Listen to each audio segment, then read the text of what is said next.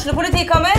Ine Jansen er purk. Er du purk? The motherfucking bitch. Alt jeg vil, er å finne ut hva som skjedde med mannen min. Jon Carew. Er jeg sikta for noe? Iben Akeli. Det er du. Ole So, Lars Berrum og Big Daddy Karsten. Hvem sin side er du på, egentlig? Anette Hoff, Tone Danielsen, Kommer du fra Afrika? Jørnis Josef, Nesten. Kløfta. Trond Espen Seim, Det er synd å si det, men det var feil mann som døde. Purk. Premiere tirsdag på TV2 Play.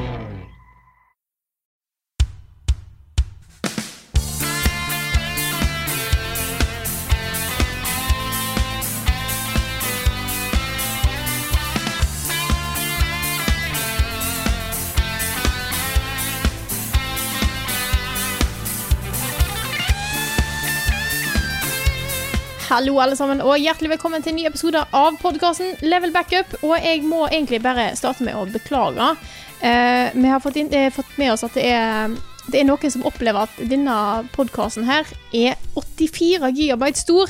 Når den egentlig bare skulle vært 44 gigabyte. Vi, Ja. vi er på saken, vi prøver å fikse det. Ja. Bare så dere er klar over dette her, altså. Ja, dere får bare rydde plass på harddisken imens. Ja, nei, podkaster er heldigvis ikke så store, da. Men uh, du refererer jo da til uh, nye sesongen av Call of Duty Modern Warfare. Som plutselig var liksom 84 gigabyte på Xbox One. Og 44, da, som var originale, var liksom stort nok. Men av en eller annen grunn så er den liksom 84 isteden. Så ja, det er heftig. Heftig, heftig. Absolutt. Eh, så det dere hørte nå, var jo selvfølgelig Karl Martin Hogsnes og Rune Fjell Olsen. Og i dag har vi òg med oss Niklas Halvorsen. Hallo, alle sammen. Hello! Hei, alle sammen. Hvordan, eh, hvordan har vi det i dag? Det går eh, bra. Ja. Jeg, eh, vi er jo nå liksom tre måneder ute i, eh, ute i Korona-Norge. Og jeg har begynt å skjønne det konseptet med koronasveis. Fordi folk begynte å snakke om det etter bare to uker. Men jeg Ja. merka liksom ikke det før, før nå i det siste, da, for nå er jeg i ferd med å bli til en palme. Ja. Så eh, jeg får se om etter hvert så kanskje jeg skal trosse farene og prøve å skaffe meg en frisørtime. Altså. Eh, Jeg satt jo og så på livestreamen til Bungie i går, og da var det jo sånn han Luke Smith, som jo er game director for hele Destiny-franchisen, liksom. Mm. Det så ut som han har krøpet rett ut av en hule, liksom. Det var som han pelte løv av, ut av skjegget og håret, liksom. For det var Han var, han var koronaprega, altså. Wow! Men det hadde, vært, det hadde vært litt gøy å bare liksom ikke barbere seg, ikke klippe seg uh, i hele den perioden her og se hvordan man ender opp med å se ut. Ja. Fordi Nei. man vet jo liksom ikke før etterpå om man ser ut som en huleboer, eller om man faktisk Det kler er sant. Ja, plutselig er det, blir hipster eller huleboer. Det kan bli en sånn korona-aftermath-ting. det, det er sant. Så jeg har ikke tatt den anledningen, da, men det burde jeg kanskje gjort. Mm. Men det går veldig bra med meg også. Jeg fikk jo et sånn uh, litt sånn sjokk deisende inn i innboksen min uh, på e-post uh, i går. Hvor jeg da sporenstreks måtte da først kjøpe billetter til meg selv og kona, og så sende mail til Nick i tilfelle det blir utsolgt. Men det er jo da Det er jo Christopher Nolan-festival på Imax på Odeon her i Oslo. eh, I forkant av uh, Tenet, selvfølgelig, som har premiere 17.07. Så de viser jo uh, nest, altså, De viste ikke Prestige, da. Jeg så du var litt skuffa over det. Nick. Ja, den, den skulle jeg sett på Imax.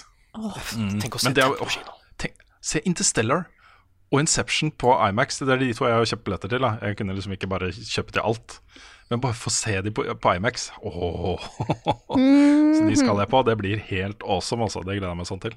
Mm. Jeg har jo ikke sett Inception på kino heller. Fordi det, det var akkurat liksom eh, før jeg hadde blitt en fanboy da, av Christopher Nolan.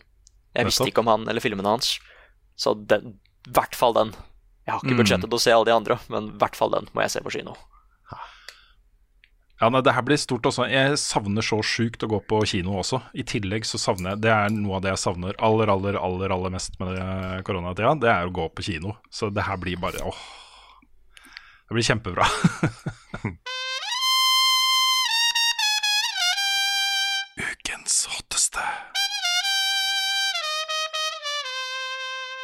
Og der hopper vi litt fram i tid, som fortsatt er lenger bak i tid for dere, men det er fram i tid for oss i forhold til Oh, yeah. Vanskelig med tidsreise. Det er derfor ingen bør noen gang prøve seg på det, for det blir bare krøll uansett. Jeg tror kanskje vi burde bare slutte å snakke om det. Ja, jeg tror jeg det. Yes. Nei, vi har jo nettopp sett eh, PlayStation-pressekonferansen, og det er kanskje ikke noe sjokk at dette kommer som ukens hotteste. Eh, vi visste jo at det kom til å være en viktig konferanse. At den kom til å bli så kul, var vel kanskje ingen av oss hadde sett for oss. Nei. Ja, det, det her var en sjukt bra pressekonferanse. og- Eller også en digital eh, samling av, uh, av good shit, er vel kanskje mer riktig å si. Det var det. Og det var liksom en, en console-reveal som var ordentlig bra. Ja. Mm. det er lenge siden jeg kan huske at det har vært sånn. Fordi Switch-revealen var liksom, den hadde kule ting, men det var ikke så høyt nivå på den. Nei. Og Xbox One var jo legendarisk ganske dårlig. altså ikke konsollen, men revealen. ja. Mm. Og eh, Sony sin PS4 har jeg liksom ikke så sterke minner om. Jeg tror ikke den var sånn superbra, den heller. Husker ingenting fra det, egentlig. Nei, så det, dette her var en, skik, det, dette var en bra, en bra visning. Good showing. Ja. Også de eh, kan jo nevnes at eh, Microsoft har jo, var jo først ute. De viste fram konsollen sin først, og så hadde de en pressekonferanse der de viste fram eh, tredjepartsspill. Der kommer det jo mer i sommer. De har en svær pressekonferanse i juli hvor de skal vise fram sine egne spill. Og det er jo eh, de spillene som jeg tror kommer til å skape mest hype, akkurat som det var på en måte de eksklusive PlayStation-spillene som skapte mest hype i, i kveld. Så eh, det er eh, more to come. Det kommer mer fra Microsoft etter hvert, så bare folk er klar over det. Men det, altså det er 1-0 til Sony, vil jeg si, da, eh, med, akkurat nå. Mm. det var en utrolig sterk pressekonferanse.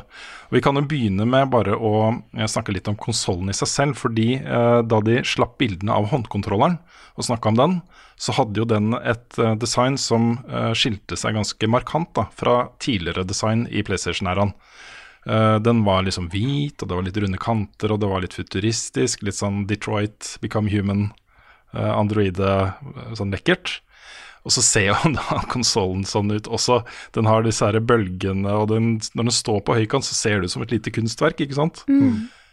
Den var utrolig pen å se på. Det var det. Den, jeg så noen i chatten uh, snakke om at de syntes den så for gamer ut, men jeg syns ikke det. Jeg syns ikke det ser ut som sånn typisk gamerdesign. Absolutt Nei, det syns ikke jeg heller. Da tenker jeg mye mer på sånne sånn grønne neonfarger og stoler med rødt og svart og sånn. Ja. Den var, Sånn, jeg syns ikke den så ut som en sånn typisk gamerkonsoll. den var smooth. Ja, den var, smooth, den, var, den var stilig, liksom. Den var, eh, Jeg kan se for meg den på benken min. eh, ved siden av en, en sånn flott eh, eh, krukke med noen sånne der, eh, Sakura uh, Cherry Blossom-ting fra Animal Crossing. Sånn. jeg synes den, den ser ut som en futuristisk bygning. Ja, den gjør det. Jeg ser det noen som ikke er helt er stor fan uh, av den. Det er jo en, en veldig annerledes konsoll enn det vi er egentlig vant med. De fleste konsoller er ganske eh, Altså, hvis du ser vekk ifra han, På en måte med disse eh, mjuke linjene, så er han litt sånn Xbox 360-aktig. Ja, Eh, litt.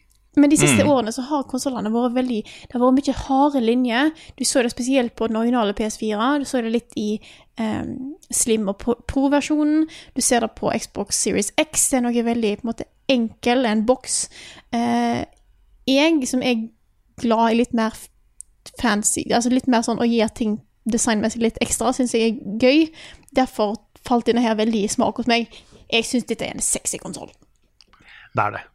Altså, det var jo et begrep for noen år siden som ble innført i tech-bransjen, uh, som het eh, WAF, Wipe, Wife Acceptance Factor. Uh, det forsvant jo litt bort, for det, var litt, altså, det er litt sånn der sexistisk da, å, å komme med den type ting. Ja. Uh, men det, jeg føler den er ikke akkurat det begrepet, men det konseptet om å lage hardware som appellerer bredere enn til de som allerede er i folden, eh, er jeg glad for at kommer litt tilbake. Og så Ikke et vondt ord om Xboxen, jeg syns den ser lekker ut, men den er laga for meg, da. Mm. Det er en sånn ting som jeg syns er eh, kult. Den kommuniserer bare power, og det er en gamingboks. Det er det det er, liksom. Du ser at det er det det er. Eh, den PlayStation 5 er liksom sånn, den kan stå framme og er liksom, kan bli en sånn samtaleobjekt. da Folk spør hva er det for noe, liksom. altså, den er mer sånn allmenn, da. Den har bredere appell, føler jeg, enn eh, en svart boks har. Og så kan Og jeg det si er jeg glad for å se. Og så kan jeg også komme med en positiv ting. Eh, jeg har lært etter hvert at du ser støv dårligere på hvite ting enn svarte Ja, ting. Så for alle dere som ikke tørker støv så ofte, så er en hvit kontroll en god ting. Det er sant. Men den kan fort, uh, fortere ende opp med å se slitt ut òg. Da kan han òg. Så For Wien min ser ikke så bra ut lenger. Og den er er hvit. Ja. Det er et par ting med den konsollen her som vi ikke har sett ennå, tror jeg, da. Og det ene er de der uh, sideplatene. Jeg tror de er utskiftbare. Jeg tror du skal kunne sette på andre plater der, sånn at den endrer totalt liksom eh, look, da. Ja, kanskje kan, du- kan gjøre det på sånn japansk sånn pagoda. ja, ja. Og få forskjellige former og sånn. Det, det blir kult. Ja, ja. Jeg vil òg tippe han kan være liggende. Ja, det, den må jo være liggende. Ja. Folk har jo sånne stereosystemer under TV-en sin med racks og sånt. Ja, så det er bekrefta at den kan ligge. Ja, nettopp. Eh, Den kommer da også i to versjoner. En med disk drive og en uten. Og Det også syns jeg er bra. bra. Jeg går for den uten, tror jeg. Ja, for meg så kommer det veldig an på eh, backwards compatibility. Fordi mm. PS3-spill for eksempel har jeg jo mest fysisk. Mm. Så eh, det kommer til å bli viktig for meg. Ja. Og så er det et par ting vi ikke vet om den ennå, som, eh, som kan bli litt avgjørende for folk. Og det største er jo pris. De sa ikke noen pris. Jeg tror denne her blir svindyr. Og det tror jeg Xboxen blir også.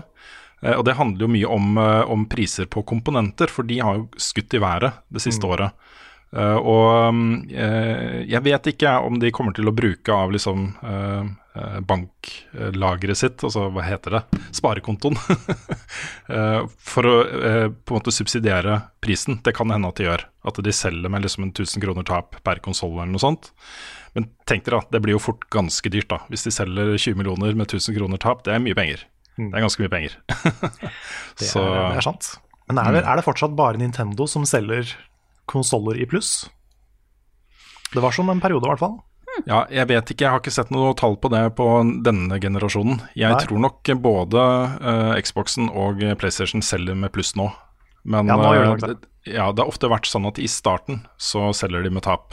Mm. Og så går liksom prisene på komponenter ned etter hvert som årene går, og så selger de med gevinst, og så kanskje regnestykket totalt da går opp i opp, eller at de har tjent på den. Mm. Men det er jo spillsalget som normalt sett har drevet uh, inntektene til konsollutgiverne. Så, og da er det jo på en måte antall solgte konsoller blir jo da eh, en faktor som ofte da avgjør hvor mange spill de selger også. Så, um, eh, men prisen kan bli dyr også. Det kan bli avskrekkende for folk. Jeg er ikke sikker på om folk er klare til å betale sju. Kanskje jeg tipper vi nærmer oss 7000. Ja, altså jeg blir, håper jo ikke det, da. eh, Fordi da kan de gå i Dreamcast-fella. Mm.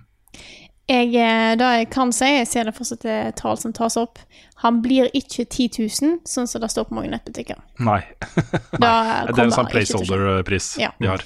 Så jeg, jeg tror Med en gang de bikker over seks og et halvt, så er Mm. det, det er en i risikosone. Så jeg håper at de holder seg til 6000.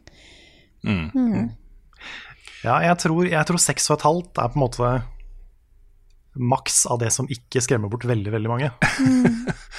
jeg tror ja, jeg vet ikke, Hvis det altså. står 7, så er det, det er verre enn 6, altså. Men så er det igjen, ting har endret seg veldig med tida. Fordi plutselig nå så koster telefoner 12 000 kroner. Ja, de gjør det, altså. Da det gjorde de ikke for noen noe år siden. Da var det til sånn, en dyr telefon. Jeg husker for et par generasjoner siden, så kjøpte jeg en telefon. Den, ikke den jeg har nå, men den jeg hadde før. Den betalte jeg 5500 for. Nei, 6000 var det. Og folk bare sånn Faen, det var en dyr telefon. Så ting Altså I don't know. Det er Priser på elektronikk er så interessant. Først så er det laptoper til 30 000, og så er det sånn Nei, en laptop skal koste fem. Og så måtte Ja. Mm. Men jeg tror 6500 er en sånn er grensa. Ja, jeg tror du har litt rett i det også, men uh, vi får se, da. Også dollarkursen er jo spinnvill om dagen også, så hvis den koster Ja. liksom 599 dollar, 599 dollar, så er jo det fort 6500 i Norge, med moms og alt mulig rart, liksom. Det er sant. Det blir spennende å se hva prisen blir, eh, i hvert fall her i Norge. Mm. Det andre er jo eh, et eh, sånn poeng som Microsoft har hamra inn nå de siste ukene, som eh, har vært en sånn gave da, til, til alle som går og gleder seg til høstens store spill. Hvor de sier da at ok, eier du Xbox One-versjonen av dette spillet, så kan du bare oppgradere det til Xbox Series X uten at det koster deg noe i det hele tatt. Det har ikke Sony svart på. Eh, og jeg føler at det har blitt et sånt argument da, som uh, Microsoft kommer til å kjøre ganske hardt på. I hvert fall hvis uh, Sony velger å ikke tilby det samme. Så um, ja. Men Jim Ryan avslutta med å si at det er mye vi fortsatt ikke har sagt.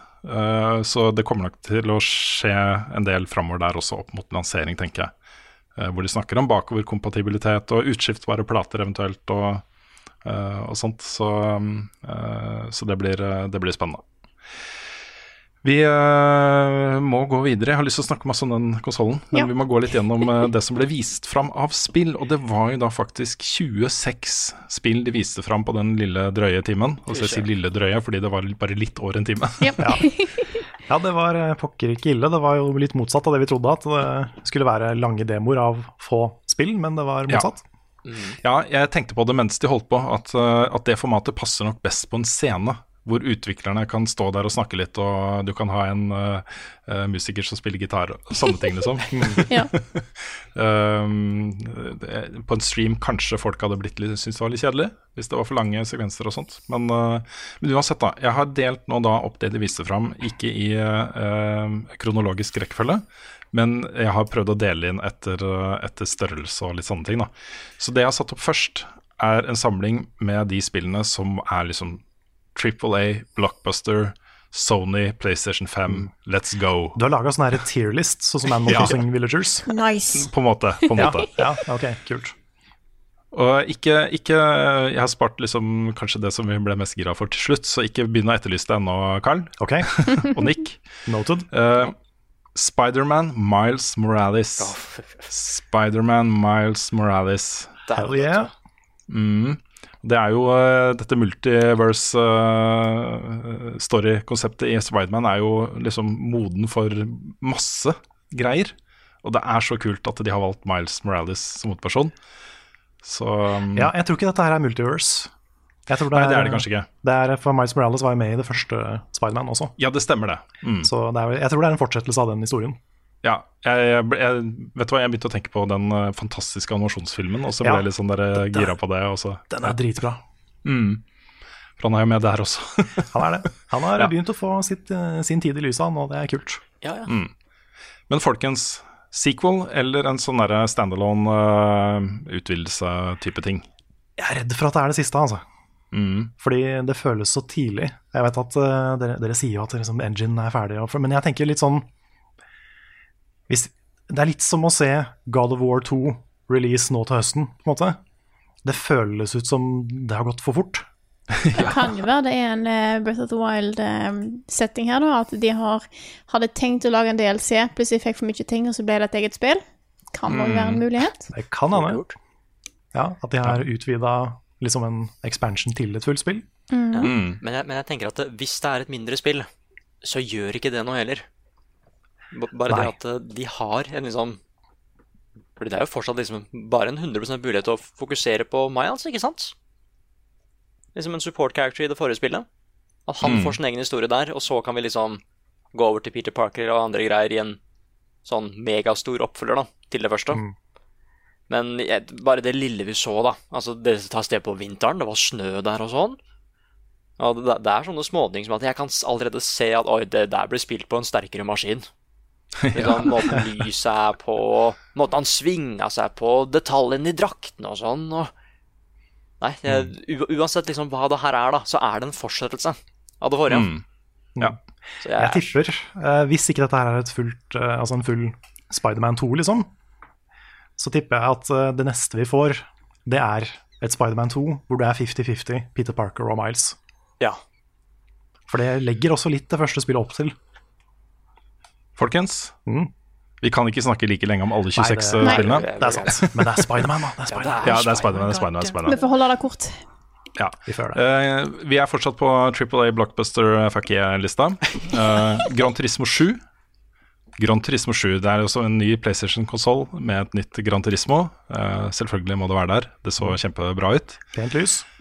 Ratchet and Clank Rift Apart. Oh, yeah. Ja, du kom til å bli happy da jeg så det var da. Ja, og så Insomniac tilbake med Ratchet Clank. Og det er liksom Ja, dette er jo en, en av mine favorittserier. Jeg er veldig glad i den serien. Men da kanskje først og fremst så representerte det på mange måter PlayStation 2 for meg. Også de tre spillene, eh, første spillene der. Det var sånn drømmespill. Det var så flotte spill, altså. Så jeg håper det kommer litt tilbake til den. Eh, Jeg har satt opp Hitman 3 her også, rett og slett fordi eh, det er nordisk, dansk eh, storspill som er skikkelig bra. Da. Hitman 1 og 2, også de episodebaserte, de har vært fantastiske. Og eh, det er ting som tyder på at det kan kuliminere da, i et Hitman 3 som blir amazing. Ja, tror, du- tror du dette her blir episodebasert òg? Jeg lurer på om de har sagt at de ikke har så lyst til å gå tilbake til episodeformatet, men jeg er ikke helt sikker også. Ok. Jeg vet ikke. Det har jo vært en modell som har vært veldig bra for dem, for de er et lite studio i eh, den store sammenheng. da. Um, og det å på en måte utvikle episoder har vært det de kunne få til økonomisk. Mm. Uh, og de har jo mista publishing-dealen og self-publishere og, og sånne ting, liksom. Så Ja, fordi Square Enix gikk fra de etter det første nye, var det, var det sånn? ja, stemmer. Og så ga de ut uh, Hitman 2, da, som ikke er Hitman 2, men som er episode Hitman 2 Ja. uh, selv. Så ja, greit. Det så kjempebra ut. Resident Evil 8, og der var det sånn Er det Silent Hill? Er det, hva er dette for noe? Village. Men uh, ja. Det var jo herlig weird, altså. Det, det så ut som det var liksom sånn en del av den weirdnessen fra Resident Evil 4, men også skrudd opp en del hakk. Med liksom Chris Redfield tilbake og Ja, det var uh, kos. Jeg, jeg likte, likte stilen på det. Så ut som det var utrolig mye forskjellig, i motsetning til sjueren, som er liksom det ene huset, og litt mer, da. Mm. Uh, så virka det som de er tilbake til en sånn svær verden. Ja, også litt den der drømmeaktige. Det er så mange av disse horrorspillene som gjør det nå, hvor ting virkeligheten blir liksom Hva er, hva er virkelig, hva er ikke? Og det, ting, øh, landskapet forandrer seg, og det drypper ting fra himmelen og sånne ting, liksom. det var øh, litt gøy å se. Men Capcom pumper ut spill om dagen, altså. Ja, det gjør det. Altså, De får du tid det. til å lage alle disse Resident Evil-spilla. Og så har jeg to spill til da på den der øh, første lista mi. Eh, Horizon 2 Forbidden West. Det så Det så så pent bra ut. ut, det. Ja, det så så det er pent bra ut. ut, det. Og så er det så Det- naturlig Det er så naturlig spill å få en oppfølger nå. Mm. Ja, ja, ja. Og dette er jo Guerrilla Games fra Nederland. De jo måte, har jo vært sånne tech engines for, eh, for PlayStation-konsollene, med Killzone eh, og med Horizon da, på PlayStation 4. Og dette er jo sånn de, de får til det der å få ting til å se sjukt lekkert ut tidlig i konsollgenerasjonens levetid. Da. Og det er, eh, jeg tenker at det her får de ut ganske kjapt, for å bare vise hva som er mulig på PlayStation 5. da. Og så kommer det da en remake av Demon Souls. Fy fader, ass. Det er sånn Det høres sikkert teit ut å være så gira på noe som jeg allerede har spilt, men for en remake det Ja. der var. Altså, folk som har spilt Demon's Souls, det er ikke pent lenger. Nei, det er ikke det. Altså, det- og vanskelig å spille. Men det var ikke noe gameplay der. Det var kun cinematics. Ja, det var noe av det som kunne ha vært litt gameplay-ish. Ja, jeg, jeg tror en del av det var in game-bilder. Altså rendra det in game. in-engine. Ja. Mm, tror jeg Jeg, jeg tror det. Men Mm. eh, jeg skal ikke don't, don't quote me on it. Men bare liksom Det er blue points. De er dritgode på remakes. Mm. Og det er et spill som er bra. Det er en klassiker, liksom. Ja. Men det har noen sånne røffe kanter som gjør, gjør det litt vanskelig å hoppe inn i etter at du har spilt Bloodborne og Sekiro og liksom de store ordentlige. Ja, ja, ja. Så jeg, Jeg gleder meg gleder, meg, jeg gleder meg skikkelig, altså. Det er det eneste FromSoft-spillet i Soulsborne-universet som jeg ikke har spilt gjennom. Så ja. Nei, jeg, jeg kom over den kneika til slutt, husker jeg. Jeg ble veldig glad i det etter hvert òg, men, eh, Ja. men det var litt tyngre å komme inn i. Og så er det som du nevnte Bluepoint, og de lagde jo Shadow of the Colossus-remaken. Det var det første liksom, remaken de gjorde, da. Eh, eh, Bygd fra bunnen opp, liksom. Dette blir jo en større jobb, fordi her skal du på en måte modernisere det på en annen måte. Det var ikke så, altså, Shadow of the Colossus er så stilistisk at eh, de ikke trengte å liksom gjøre altfor mye med universet i seg selv. da Bare få det til å se eh, mer moderne, pent ut. Eh, det her må det liksom altså Dette kunne vært Dark Souls 4, liksom, i måten det ser ut på. Og det er sånn, ja, greit. Men remake altså var det hotteste spillet for oss. Vi er over på neste liste, og her er det sånn blanding av små og store ting som er liksom litt uh, utenfor allfarvei. Ting som overraska oss litt, og som kommer litt ut fra ingenting, og som varma hjertene våre. Eh, der er satt opp Jet, The Far Shore. Super Brothers. Uh, utrolig stilig visuell stil, hvor du forlater jorda og skal på en måte finne Så det ut som et ny, nytt sted for menneskeheten å bo. Herlig. Herlig. Eh, Little Devil Inside var kanskje oh. det peneste spillet sånn av I hvert fall den chunken her, da. Også den kuleste traileren. Ja, den var Ja, veldig, faen, veldig det, kult var, det trailer. var morsomt, og det, var, det så ut som et morsomt spill. Mm. Den, hadde, den traileren hadde alt, altså. Ja, ja. Ja, sympatiske eh, rollefigurer å spille og kule sånne der søte, eh, sånn cute sidekick-ting og så videre. Mm. Så ja, den så kjempebra ut. Um, eller blander jeg det med nå med det andre? Ja, nå tror jeg du blander det med det andre. Dette er Monster Ja. Hunter-greiene. Stemmer det, stemmer det. Mm. Ja, ok, sorry, jeg blanda det med Kina, Bridge of Spirits. Ja, for det var et høydepunkt for meg. Ja, Ja. Det, det, så, det, det var jo sånn 3D-plattform action adventure. nettopp, nettopp, nettopp. Og det så så pent ut. og Ja, det det så så så- koselig ut. Og de Ja. små, de små spirit-tinga som var så søte. ja og sympatisk hovedrollefigur og så sånne søte, sånne cute eh, sidekicks-ting som du kunne Ja, Det var sånne små, søte figurer som sto og koste med enda mindre, enda søtere figurer. Ja. Ja. Det var litt sånn der vestlig Studio Ghibli, ja. Ja, Ja. på en måte litt. mm, Men så var det kul combat, og så var det liksom alt. Mm, det var det også. ja. Og så kommer det da et nytt prosjekt fra Square Enix som jeg ikke utelukker kommer til å hete Final Fantasy et eller annet, altså. Det kan hende. Det kan hende. ikke- Project Alpha heter det nå. Ja. Athia. Project Alpha. Athia. Athia, var det det? Å ja, det er bare håndskriften min som uh, Ja, Athia var det, stemmer det. Mm, Project A-T-H-I-A. Athia. Ja, nettopp. Riktig. Som, uh, men det var jo liksom store monstre og svære miljøer og kult. Det så, utrolig lekkert. det så mer action ut enn en Final Fantasy. Mm. Men eh, Final Fantasy kan jo være alt mulig rart, har de jo vist med åra. Så yep. Yes. det er ikke godt å si. Men, men de har jo, de, de slapp en tech-demo for mange år siden som het Agnis Philosophy eller noe sånt. Mm. Og det var noen av bildene i den traileren her som minna meg litt om den. Ok. Um, jeg tror ikke det er det samme, men det var første assosiasjonen jeg fikk. var liksom, Kanskje dette her er blitt gjort om til Final Fantasy 16, da. Mm. Men uh, det kan jo hende det er Final Fantasy 16, bare at ikke de, de sier det nå. Ja, det kan jo tenkes. Og så da et eh, spill fra Annapurna, som har blitt en favorittpublisher hos mange av oss. uh, Stray. Hvor uh, menneskene er døde. Det fins ikke flere mennesker igjen. Uh, androider og roboter. Um, Og så er du en pus! Du spiller en kattepus. Du spiller en kattepus. Ja. Den, var, eh, den, hadde også, den hadde en tone og en, eh, en eh, worldbuilding som jeg ble forelska i umiddelbart. Mm. Det så kjempebra ut. Mange i chatten som nevnte Love, Death and Robots. Mm, Det var elementer der. Uh, Returnal fra det finske herlige lille studio House Marquet, som eh, jo blant annet eh, lagde Resogun, launch-spill til PlayStation 4. Ja, riktig.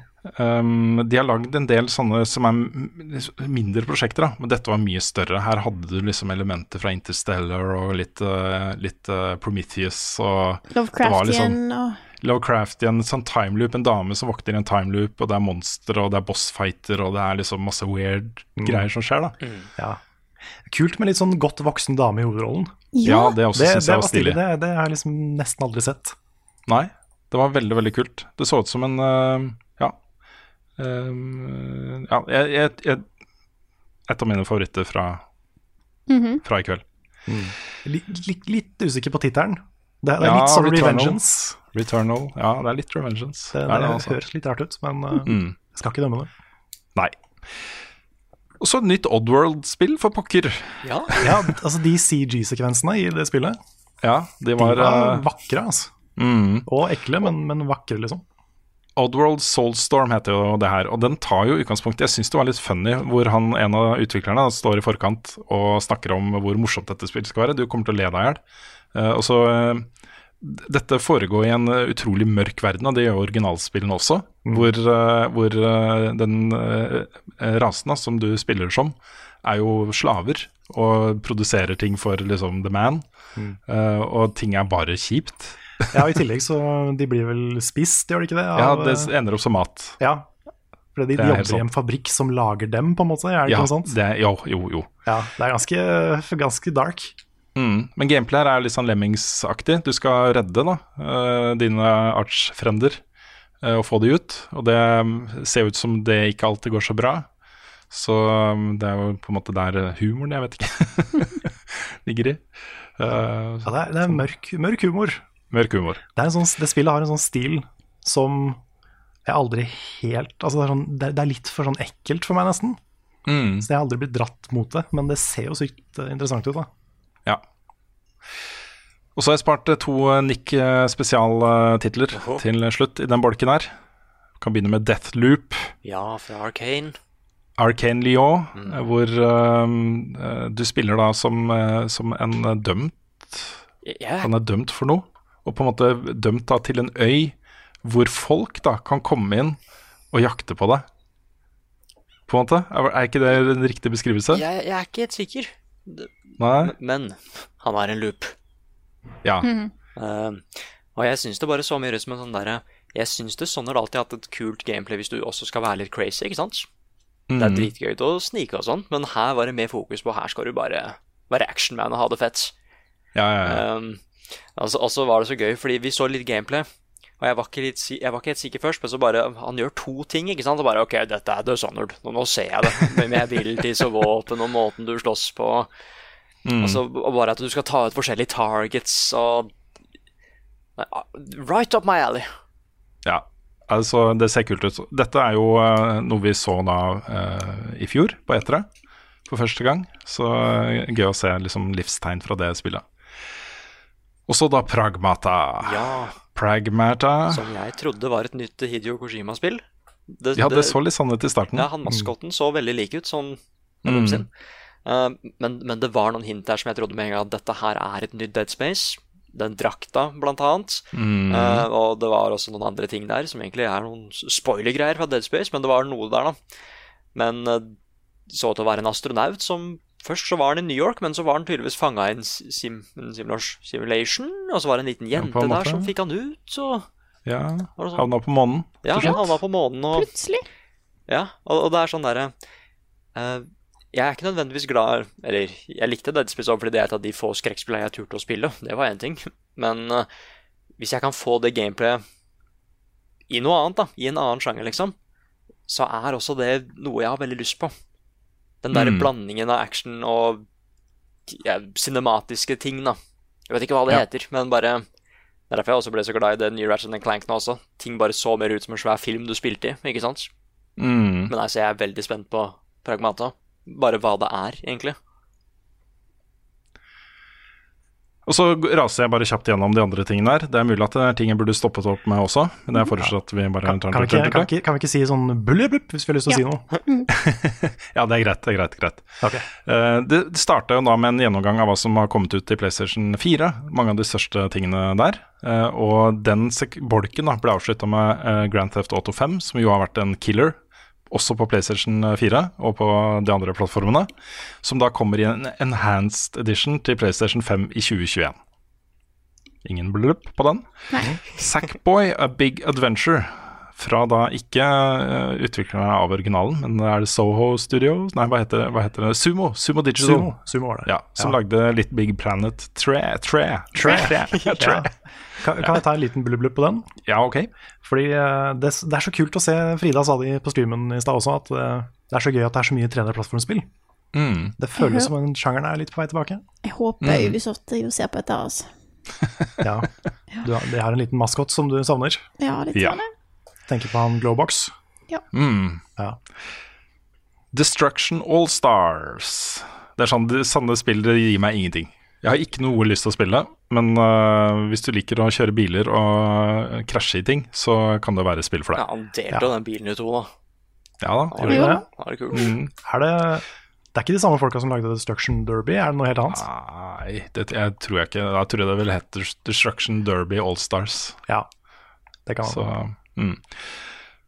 Eh, Det som kanskje var det rareste spillet, i hvert fall det som vi vet minst om Dette aner vi ikke hva er engang, eller hvordan man spiller det, eller er det en visual novel, er det, hva kan det være for noe? Uh, Goodbye, Volcano High. Ja, Ja, det, det så litt sånn Ja, den stilen var dritkul, og så så det ut som uh, Litt sånn Jeg fikk veldig Night in the Woods-vibes. Ikke, Ja, de- ve- jeg også. ikke fordi de ligna veldig- på det, men, men sånn figurene og universet og historien virka som den var litt sånn trist, mature. Ja, manuset også var litt sånn prega av det, følte jeg. Ja. Hvor her eh, s- eh, Ja. All right. Uh, Ghostwire Tokyo. Den kunne stått litt høyere opp på en av de andre listene, men uh, vi har sett det før. Så mm. det var det var gøy å se livstegn fra den. Ikke det jeg trodde det skulle være. Nei, Det var mye mer sånn actionspill. nei ser ut som det er litt begge deler. Ja. Mm. Godfall ble veldig med for meg, altså. Det var jo det første PlayStation 5-spillet som ble annonsert. Det er et sånt spill som kanskje kan bli kjempekult, Mm. men det, synd, det, blir kanskje ikke, det ser kanskje ikke så bra ut på en sånn type presentasjon. Nei. Det så ut som veldig mange andre spill. Mm. Jeg har skrevet opp Solar Ash, men nå må jeg innrømme at jeg husker jeg ikke hvilket spill det var. Blipp. Det er folka fra Hyperlight Drifter. Ja, det stemmer. det, det var det. Ja, det var det med hun Mm. dama som skata på, bakken. Ja. Jeg burde satt det på den forrige lista, men det er Yes. bare fordi jeg huska ikke hva, akkurat hva det var. Det går fint. Jeg kan, ja. jeg kan jeg, sku, Vi tar det retroaktivt tilbake på den forrige lista. Kult spill. Eh, Hyperlight Drifter var et spill jeg likte veldig veldig godt. Jeg tror jeg ga det ni av ti.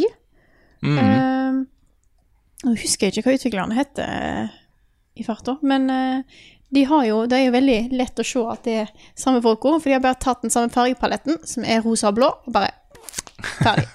eh, så, men det så veldig kult ut. Jeg er spent for å se mer av det. Eh, det som var kult i Hyperlight Drifter, var jo blant annet combaten. Eh, Mm. dette, så, dette var jo mer et 3D-plattformer, action-aktig sånne ting, så jeg er spent på å se mer fra det spillet. Det så passe Mm. weird ut, og litt vagt, og det er jo akkurat det storyen i Hyperlight Drifter er, og den er også veldig kul. Så spent. Ja. Hyped. Ok, Astros Playroom. Ja. Um, enda et 3D-plattformspill. Ja. Det er også kult å se at det er flere. ja. Og så er jo faktisk eh, Astrobot en, ifølge folk, det har jeg ikke spilt det sjøl, men jeg har hørt at det er en sånn hidden gem på Ja. PlayStation VR. At det er Kjent for å være et av de beste VR-spillene. Ja, så det kan hende dette er kjempebra. Mm. NBA 2K21.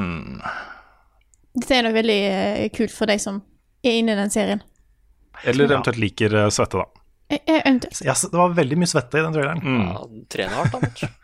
ja, kanskje Ja, det blir slot machines i 4K. Og så det siste jeg satte opp. Bugsnacks. Bugsnacks. Ja. Det var uhyre festlig konsept i universet med disse Ja. Men jeg vet ikke hva det er. Jeg vet ikke hva det Nei, spillet er, jeg vet ikke hva han de vil.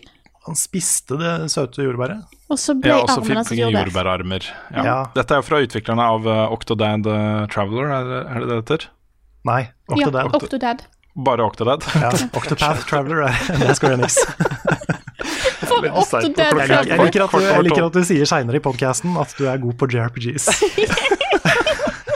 For en Og en Octodad. Traveler, Ja. det, det har vi spilt, altså. Klokka er kvart over tolv, folkens. Ja. Vi er nødt til å runde av nå. Ja. Jeg vil bare oppsummere med å si at dette var en veldig veldig god press pressekonferanse, og jeg er blitt skikkelig gira nå på å få tenna mine, tenna mine i dette her og spille disse spillene. Det blir en utrolig fet høst for oss, dette her, altså. Det gjør det. Vi, vi kasta penner, og det ble ti av ti penner fra meg. Meg også. Og meg. Jeg, jeg fulgte bare strømmen, jeg, ass. Det. Nei, det, det var ikke noe tvil om engang. Nei. Nei. Nei, jeg var jeg, Til og med var jeg litt konservativ på pennene, så, Ja, samme jeg. så this was damn good. Jeg har, eh, vi kommer jo til å komme litt tilbake til dette her i spilluka neste uke, men jeg har eh, tenkt til å legge noen av disse trailerne bare random. Jeg kommer ikke til å sitte og klippe for hver gang vi begynner å snakke om et nytt spill til en ny trailer, men jeg legger noen av dem bare på timeline for de som ser den på YouTube, da, den podkasten her. Ja. Så får de i hvert fall sett litt av det. Men uh, eh, det er mye snadder her også, så vi er fornøyde og trøtte. Um, ja. Så blir det jo spennende å se hva Microsoft svarer med. Det er, det er jeg sjukt spent på nå. Definitivt. Og med det så setter vi tilbake igjen til oss fra litt tidligere i dag.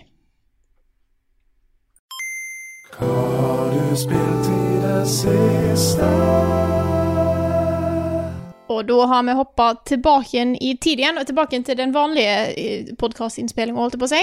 Hva har vi spilt i det siste, folkens? Nå har jo For det okay. første så må jeg jo, jeg må jo si at den PlayStation 5-pressekonferansen var, eh, var noe, altså. Ja, den var den, noe. var, den var definitivt en konferanse som viste Det- ting. Jeg hadde Ah. ikke sett for meg at de skulle gjøre det de gjorde, og de gjorde det. Nei, ikke sant? Nei, det var eh, Åh. Ja. Sjokkerende. Ja, it was the best of times. Mm, ja. Nei, dere har jo spilt noe, Rune og Carl, og nå kan dere jo endelig snakke om det. Vi kan Ja. det, altså. Vi kan det. Um, Jeg vet ikke hva eh, Sam, kan du åpne døren? Er det noen som kommer inn og skal vite om The Last of Us allerede? Ja, nå er uh, ungene hjemme fra skolen, kona har hjemmekontor, så det kan at det blir litt forstyrrelser fra meg her. Men vi må jo snakke litt om The Last of Us eh, part 2. Det var så herlig, Carl, fordi vi hadde jo en sånn pakt. Det var ikke veldig avansert. Oh, the pact. Ja, Nei, det var det, var sånn ikke, det var ikke noen brennmerker eller noen sånne veldig dramatiske ting. Ja, ikke, noe, ikke noe blod involvert, eller Nei. noen sånne ting. Men det var bare pakten var at eh, vi visste da, sånn instinktivt at vi kan ikke begynne å snakke om hva vi syns om forskjellige ting, og sånt, fordi da begynner vi å påvirke hverandre, og så blir det en sånn ting. Ja. Altså, det er så deilig å kunne sitte da, med et spill som, som er så stort som dette her, og så bare lage en anmeldelse kun basert på uh, hva du selv syns, og dine egne- tanker, og trekke fram de tingene du syns er viktig å trekke fram, og sånne ting. da. Så vi møttes for å uh, lage litt video fra Eldorado uh, da i, på, forrige, var det på tirsdag? På tirsdag var det. denne uka her. Og da var det sånn, ok, du hadde lagd din anmeldelse, jeg hadde skrevet min anmeldelse, sendt den av gårde til NRK. Vi var ferdige, det var også vi, ok, vi kunne påvirke hverandre, men det ville ikke ha noe å si. og det, det å kunne sette seg ned, eller vi sto da, og snakke om dette her, var, åh, det var så digg altså, fordi når man sitter med et sånt spill, man har jo så lyst til å snakke med noen om det, Ja, ja. ikke sant? Ja, det, Det er, eh, jeg husker jo det fra det første spillet, som vi også fikk tidlig. da Og det, da var det jo bare jeg som anmeldte det i Level Up. Og jeg hadde ingen å snakke med det om. Nei. Uh, Snakka om det med, heter det. Og um, gikk jo da i mange uker og liksom bare venta på at resten av verden skulle spille det. Sånn Mm. at jeg kunne gå og liksom lese teorier og forumposter og meninger og sånn. Og jeg, jeg gleda Ja, meg sånn til det, og det var så det, det var litt sånn rart å sitte inne med en så stor opplevelse, da. Ja. Så det fikk jeg liksom litt, litt det igjen. Men, eh, men nei, nå har, jo kommet, nå har jo begge anmeldelsene kommet ut når eh, du hører den podkasten her, så du kan jo lese Runes og se min. Ja. Um, og så kan du da også vite at vi, eh, vi ikke snakka om det før de anmeldelsene var ferdig. Så, så det er liksom 100% uavhengig av hverandre at vi har anmeldt eh, det spillet. Jeg må ja, det er helt sant også. det er litt kult at vi nå For dette er, det er jo sjelden vi har denne muligheten her. Det er med å ha to stykk i samme redaksjon her som anmelder det samme store spillet, og begge to er ute, til, ute samtidig. Ja. Det er litt kult. Det det. Synes Det er litt kult. Det er litt kult. Og så må vi først, da, før vi begynner å snakke litt mer om hva vi syns og sånt, uh, si at uh, det er en uke til lansering. Jeg tror også en, eh, disse butikkene sitter og klør etter å sende ut uh, ek, eksemplarene sine til de som har uh, forhåndskjøpte. Jeg tror nok det begynner å dukke opp i postkassene til folk på sånn type mandag, tirsdag, onsdag. Så det er Fredag er egentlig lanseringsdato, men jeg tror det kommer til å piple ut. liksom. Og nå har jeg spilt over disse bildene, ikke sant. Coveret som har kommet i postkassa. Det begynner, kommer til å komme nå snart. Ja. Uh, Men det er en uke til, og vi er veldig bevisste på at vi ikke skal spoile de viktigste tingene. Og det er mye som kan spoiles i dette spillet her. Uh, Det er viktig å, å si det, liksom. Det skjer ting i dette spillet her som, uh, som jeg ikke var i nærheten av å vite på forhånd. Eh, og det er, vi beholder oss helt unna. Helt unna de tingene der. Det kommer ikke til å spoile. Til og med så har jeg ikke lyst til å si hvor langt det er. Fordi det var en sånn uh, ting som, uh, som jeg heller ikke visste. og som, gjorde, som påvirka min opplevelse av slutten. At jeg ikke visste hvor langt det var. What, er det en spoiler òg? Ja, det er, ja. Det, er, det er sant. Ja. Og så kan jeg også si at i min anmeldelse så har jeg nesten bare brukt ting som allerede har blitt vist i trailere. Jeg har nesten bare brukt trailer footage eh, sånn direkte, fordi det Ja. var en del begrensninger på hva man kan ta på egen video og sånn. Mm. Så um, hvis du har liksom fulgt med på trailerne, hvis du har sett alt som har blitt uh, sluppet til nå, så tror jeg ikke du kommer til å se noe særlig nytt i min video, hvis du er redd for det. Ja. Men ok, nå har vi gått veldig mye rundt grøten, Carl. Det har vi. Eh, skal vi bare hoppe rett ut i det? Ok, da er sånn, Nå må jeg tenke meg veldig nøye om hva kan jeg si, hva kan jeg ikke si. Vi har Jeg Jeg syns vi, Kan jeg, jeg synes vi skal begynne med scoren. Ja, kan kan jeg- ikke kan begynne med få- scoren? kan jeg få begynne Ja, okay. med dere først? For jeg har nemlig lagd Ja. en quiz. Ja, du har lagd en quiz. Jeg har lagd en quiz til dere om det der som vi tok. Ok. Ja. Uh, og det vil jeg begge det, om, Her skal uh, om, altså, Dere må si navnet deres, og så skal dere svare. Så begynner vi okay. med med første spørsmål. Er det bra? Carl, Rune. Ja, Rune, vær så god. Ja.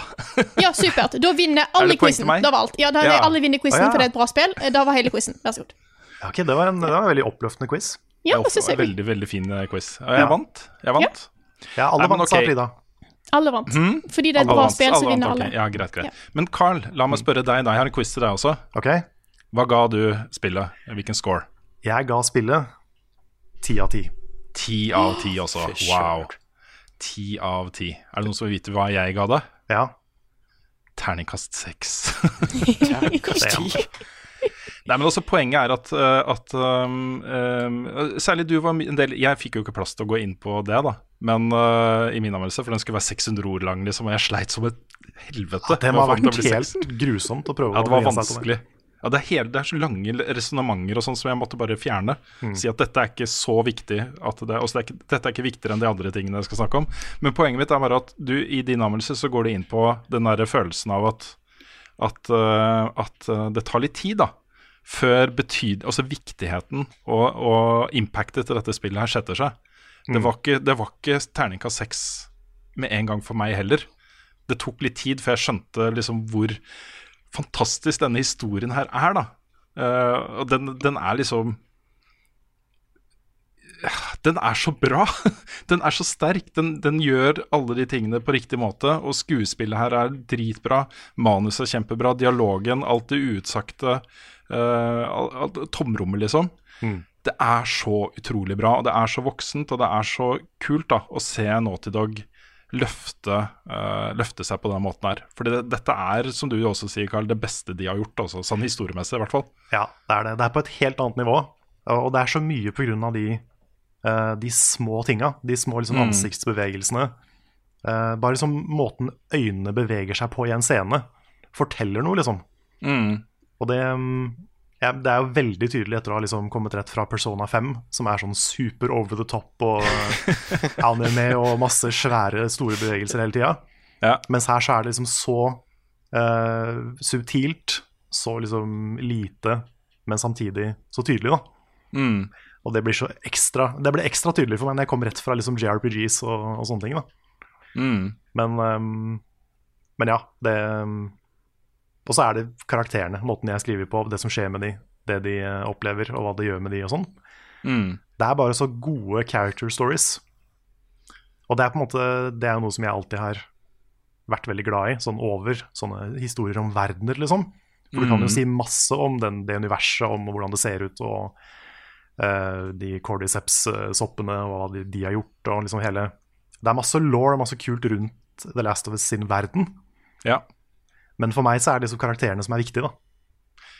Jeg er helt enig med deg. Hadde det ikke vært for historien og karakterene, så, så hadde det ikke hatt den samme impacten. Det hadde vært et bra spill og kult å spille, fordi eh, også de eh, situasjonene hvor du havner da, i rom og bygninger med infiserte, er jo amazing. Også Det er kjempebra. Spillet kunne vært det, og det hadde vært et veldig bra spill. Men det er jo på en måte de andre tingene som, eh, som løfter hele opplevelsen. da. Um, og jeg syns det, som, det som eh, jeg ble mest positivt overraska over med historien, Uh, ved siden av liksom den, de nye retningene den tar, da, det er jo måten de behandler denne her svære hemmeligheten som Joel har uh, overfor Ellie. Også slutten på The Last of Us Part 1. Mm. Uh, hvor eh, jeg i, først trodde de kom til å behandle det dårlig. jeg var litt skeptisk. Men så ender det opp med å virkelig, virkelig belyse hele den situasjonen der på en utrolig god måte. da. Mm. Uh, og det, det gjorde skikkelig impact, altså. Skikkelig, skikkelig impact. I agree. Mm. Og så um, syns jeg også liksom Jeg snakka litt om dette her i anmeldelsen, men um, det er jo noen som ikke er så fan av The Last of Us som oss, uh, som mener at liksom, ja, men dette her kunne jo bare være en film. Det, jo, det prøver bare å være en film. Og jeg er ikke enig i det, men jeg har hørt det argumentet nok ganger da, Mm. til at jeg liksom har lyst til å si det, og det er det at The Last of Us Part 2 på en helt annen måte bruker spill. Altså bruker spillmediet til å fortelle historien.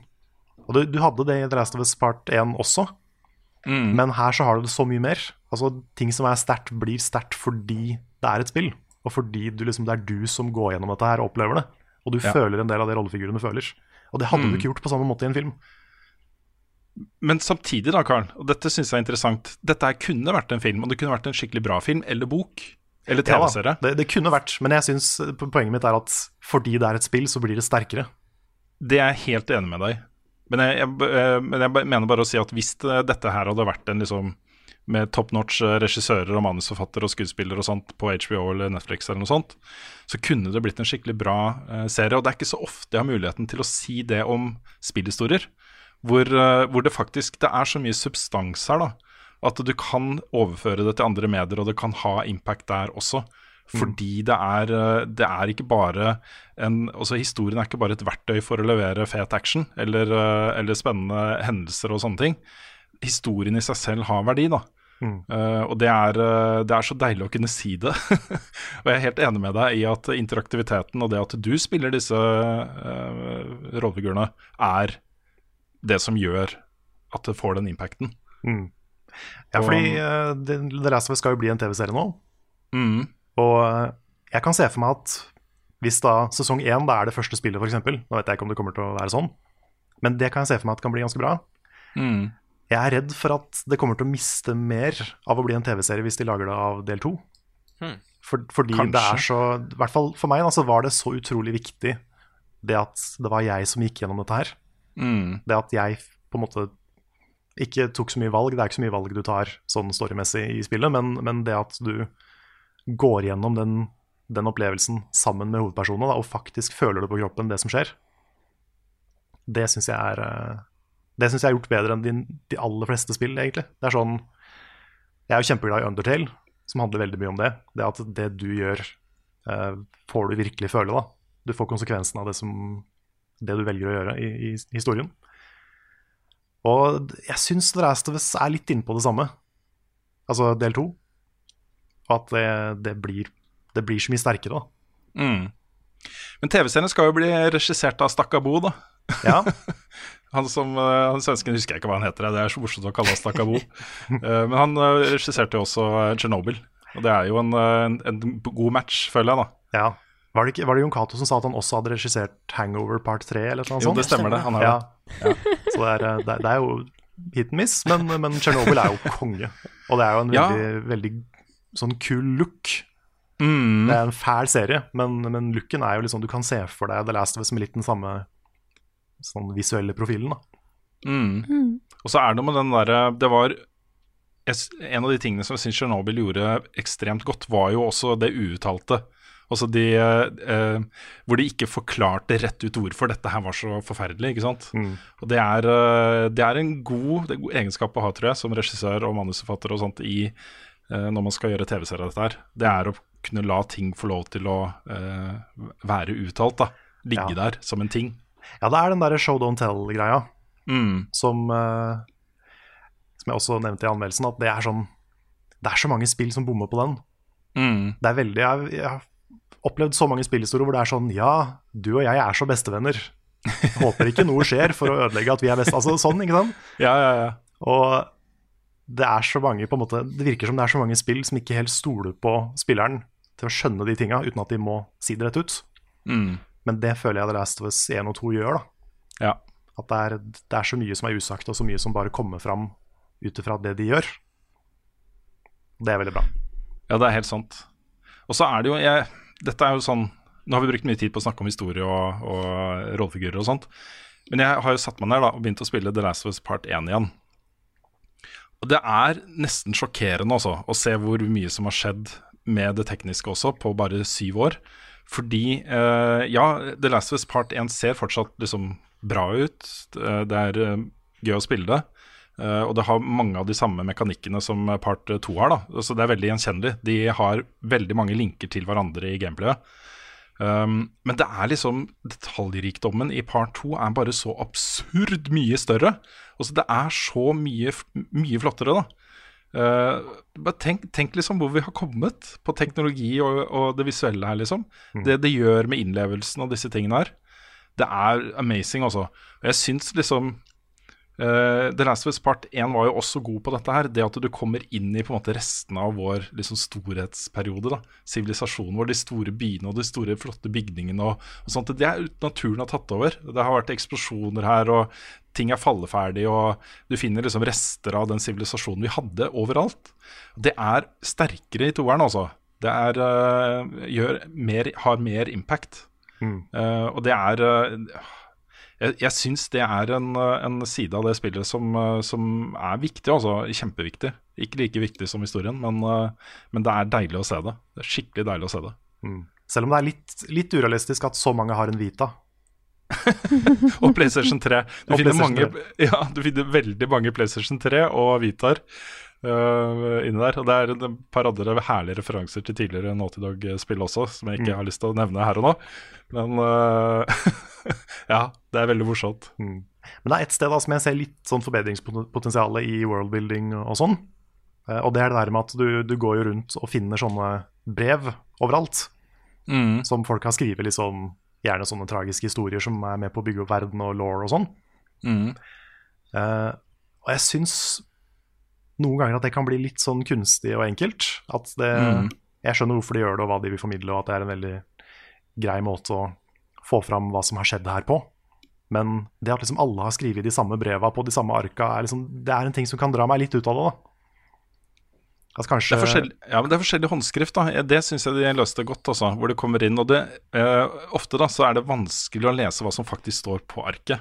Ja. Du har jo sånn knapp her hvor du trykker firkant, så kan du få uh, maskinskrevet hva som står på det arket. ikke sant? Mm. Eh, men her kan du faktisk Du kan sitte og lese, lese brevet med den håndskriften som står der. Uh, og den dekker skjermen godt nok, og alle de tingene, og skriften er stor nok osv. Så, videre. så hvis du vil Og noen av de håndskriftene er litt vanskelig å lese, på en måte, men uh, tilfører da litt sånn personlighet til de som har skrevet og sånne ting. Mm. Uh, jeg er Ja, enig i det- at det er litt sånn enkelt, men jeg syns fortsatt det er ganske effektivt. altså. Ja, altså det er, ikke, det er ikke et stort problem for meg, men eh, jeg skulle kanskje ønske det var litt mer sånn Akkurat der at det kanskje var litt mer show don't tell igjen. At de Mm. viste At du kunne se det på rommet, f.eks., av hva som har skjedd, og ikke at du må på en måte få det som tekst. Mm. Men det, det er jo lett å si det, da. så jeg vet ikke hvor, hvor, hvor bra de hadde klart å løse det. Nei. Jeg har egentlig bare én issue med spillet. En, eh, den er litt sånn stor og litt sånn vanskelig å, å løse. Jeg har ikke snakka om det i anmeldelsen min. Eh, men det, det er jo den scavenging-biten, hvor man skal liksom finne eh, oppgraderingsmaterialer og crafting-materialer overalt, hele tiden i alle rom. Altså, Noen skuffer kan du åpne, noen kan du ikke åpne. Du blir liksom gående litt sånn uh, Where's Wally-type uh, sånn itemjakt, da. Mm. Hvor du skal liksom bare ta kursøren over uh, området for å se om det er noe du kan få trekant på for å åpne. Og det er litt sånn Hvis de hadde klart å fikse den, da, at scavenging blir litt mer sånn organisk en del av det du gjør ellers, så tror jeg det kunne vært et sånn neste skritt for den type spill. Fordi jo, ja, det er viktig, liksom, du, eh, og, og eh, eh, plausibelt. At du kommer inn i et rom og prøver å finne greier du trenger, og det er lite av det, og du bruker det du finner til å crafte ting og sånt. Veldig troverdig og naturlig og, og de tingene der.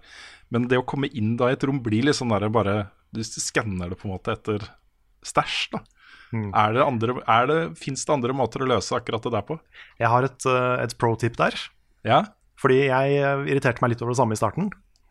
Så gikk jeg inn på menyen, på Accessibility Options, og skrudde på auto pickup. Oi. Hvor du kan bare, du slipper å liksom mashe trekant overalt for å, for å plukke opp ting. Du bare, Når du går forbi det, så plukker Ellie det opp automatisk. da. Oi. Og det er så mye deiligere. Det burde vært Ja. Standard. Så, wow. hvis du skrur på det, det kan jeg varmt anbefale. Altså, for da slipper du den der å tukle med kamera for å prøve å finne riktige skuff. Ikke sant? Alt det der. Det blir liksom bare automatisk. Det er kjempedeilig. Ja, det, skal jeg, det skal jeg gjøre neste gang jeg spiller igjen. Jeg ser på at armene hennes bare går overalt for å ta opp ting. Ja, bare sånn Spiderman. Eh, Selv ting som er inne i lukka skuffer, Karl? Jeg tror du må trykke på trekant for å åpne skuffene. Okay. Men det er ikke så mange skuffer at det gjør noe. Nei. Det, er, det, er liksom, det meste ligger bare åpent. Mm. Så da, da, jeg syns det gjorde det mye, mye bedre. Ja Nei, jeg vet ikke hvor mye mer vi skal si. Vi eh, har jo anmeldelsen vår ute. Vi eh, planlegger en spoilercast, kanskje to. Ja, det er jo, eh, nå er jo vi to spilte, pluss et par andre rundt omkring. Mm. Så vi kommer nok til å lage en sånn som vi spiller inn før launch. Vi skal ikke gi den ut før launch, for det ville vært veldig dumt. ja, det ville vært veldig dumt. Um, men eh, jeg ser jo for meg at eh, Frida og Nix, skal dere spille det? Yes. Ja. Ja, det var egentlig et dumt spørsmål. Jeg vet at Lars skal spille det, jeg er kjempegira. Ja. Så um, jeg ser for meg at liksom etter at spillet er ute, og etter at flere har hatt tid til å runde det, så er det på sin plass med en spoilercast til, tenker jeg. ja. Det kan, vi kan diskutere det litt, Karl. Det kan at vi skal vente til alle er klare, liksom, med å Ja. gjøre det. Eh, det. Det er mulig at det er vel så greit, altså. Mm. Men uh, uten at jeg sier hvor langt det er, det er et langt spill, da. Det kommer til å ta litt tid før folk kommer seg helt gjennom. Så, um, så vi får se. Det er, jeg har sånn behov for å snakke om det også, så Ja. kanskje det Jeg vet ikke. Det er helt sant. Men uh, ja, jeg er eh, både letta og glad og, og på en måte stolt da, over at vi kan sitte her og snakke om dette mediet vi er så glad i, med arsenal som The Last of Us Part 2. Det å ha liksom Vi kan løfte opp The Last of Us Part 2, eh, snakke om det, vise det fram, diskutere det. Og det er liksom et, et så utrolig godt argument da, for at spill også er for voksne. For at eh, spill også kan ha dritbra historier eh, og gode rollefigurer. Og bare all honnør til uh, Ashley Johnson og uh, Troy Baker og de andre skuespillerne her. Altså fordi den prestasjonen de gjør i det spillet her, Ja, holy shit. er bare amazing. Det er så bra. Eh, og jeg hører det på dem, liksom, at dette har de gått inn i med hud og hår. Uh, og her har de virkelig jobba da, for å gi disse uh, virtuelle rollefigurene kjøtt og blod og dybde. Og det er helt herlig, altså. En, eh, en siste ting da, som jeg bare har lyst til å nevne. Det er at hvis du, hvis du er ute etter et sånt kult actionspill som, eh, som skal få deg i godt humør og, og sånn, så er ikke, så er ikke The Last of Us. Part 2 et spill du burde spille. Det er ganske dark og ganske fælt i lange perioder. Ja. Så, eh, så det er ikke et sånt comfort food, comfort food. Nei, fordi The Last of Us Part 1, da, store deler av det var jo litt sånn der Han Solo som eh, frak, eh, smugler et eller annet fra et sted til et annet. Litt sånn, altså Det var jo dark, selvfølgelig. Det var ikke eh, sånn Men hadde litt den filen noen ganger, da. At det var et lite eventyr de var på sammen, og så kom de sjiraffene, og så var det liksom og så, eh, Ja. Ja, det er Dette- dette- Litt, litt mindre eventyr den gangen her. Kan jeg Ja, komme jeg med et spørsmål til- som jeg er usikker på om dere kan svare på? ja. Eh, første spillet var jeg, jeg tok det litt tid før jeg turte å spille, eh, fordi jeg var redd det var for skummelt for meg. Dere sier at nummer to er mer mørkt. Er det liksom Er det skrekkspill til sin rette forstand? For da tror jeg det første òg ble liksom litt definert som. Altså, jeg kaller det i min anmeldelse det beste skrekkspillet jeg har spilt, og det er det er noen av de områdene og rommene her som er bare helt forferdelige, Frida. Helt forferdelige. Det som er, det som er litt uh, redningsplanken din, da, og til mange andre, er at, uh, er at du har opportunities til å stelte deg gjennom alle disse rommene. Du må ikke konfrontere uh, Det derre klikkerne, altså. altså. Er det mulig Hvordan Altså, de var fæle i eh, eneren. Men her er de liksom Når de står da liksom 50 cm fra deg og lener seg fram og knekker armene sine bakover og åpner opp ansiktet sitt, og det kommer de der klikkeskrikelydene sine Det er forferdelig! Det er, Det er helt det. forferdelig. Og bare det at liksom, De høres ikke ut som zombier, de høres ut som mennesker som fortsatt er der et sted. liksom. Ja, Og det er så guffent. Men, um, det er ille, men også altså. de der stalkerne. Fordi de kan du liksom ikke se når du har en listen mode-greia bestandig. Mm. Så de, de var de jeg sleit mest med. Når jeg ikke Ja, de står jo bare hvor- helt stille, det. Ja, når ikke jeg visste hvor de var. Ja. Men um, jeg er jo veldig pyse på skrekkspill. eh, veldig pyse. Og sånn for min del altså, gikk det ganske greit. Um, det var noen jump scares og sånn, men det var ikke sånn Det var ikke skummelt på den måten. Det var mer sånn ubehagelig og ekkelt og som kom under huden på det historiemessig. Men, For da takler um, jeg. Da takler jeg. Det går fint. Ja. Ja. Men eh, jeg, nei, jeg reagerte ikke så på at det var for skummelt for meg. OK. Godt å vite.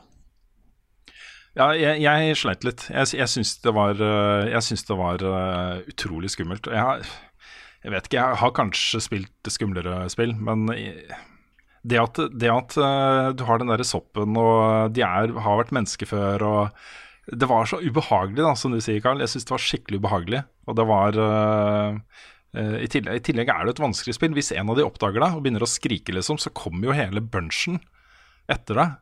Og da er, du, da er du litt ute å kjøre, altså. Ja. Det er ikke lett å komme seg unna den. Mm. Og det, nå, nå drar jeg det enda mer ut her, men eh, det, det, jeg har sittet inne med dette her en stund.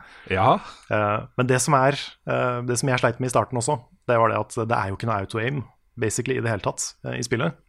Og det er jo skytespill på konsollen, eller Mm. jeg vil ikke, vil ikke kalle det et primært skytespill, men det er skyting i det. Og det er ganske vanskelig å treffe ting som beveger seg uten auto-aim. Du kan Ja. jo skru på auto-aim, men da blir det til gjengjeld veldig auto-aim, da. Så um, hvis du sliter med det, så ikke no shame hvis du skrur på, skru på auto-aim.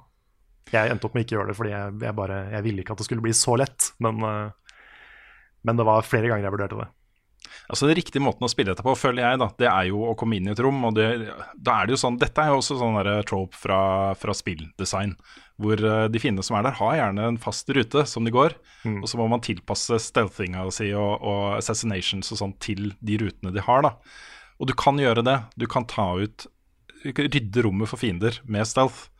Uh, og det er jo utrolig spennende i tillegg, da. Mm. Fordi du har den derre Ok, hvis en av de oppdager meg nå, så er det liksom Da er Ja. See you later, alligator. Men uh, uh, Ja. Og så er det, jo, uh, er det jo collectibles da i disse rommene, så det kan være lurt å ta de ut hvis du samler på ting. Ja. Jeg, Som du gjør, jeg gjorde det i hvert fall. Ja.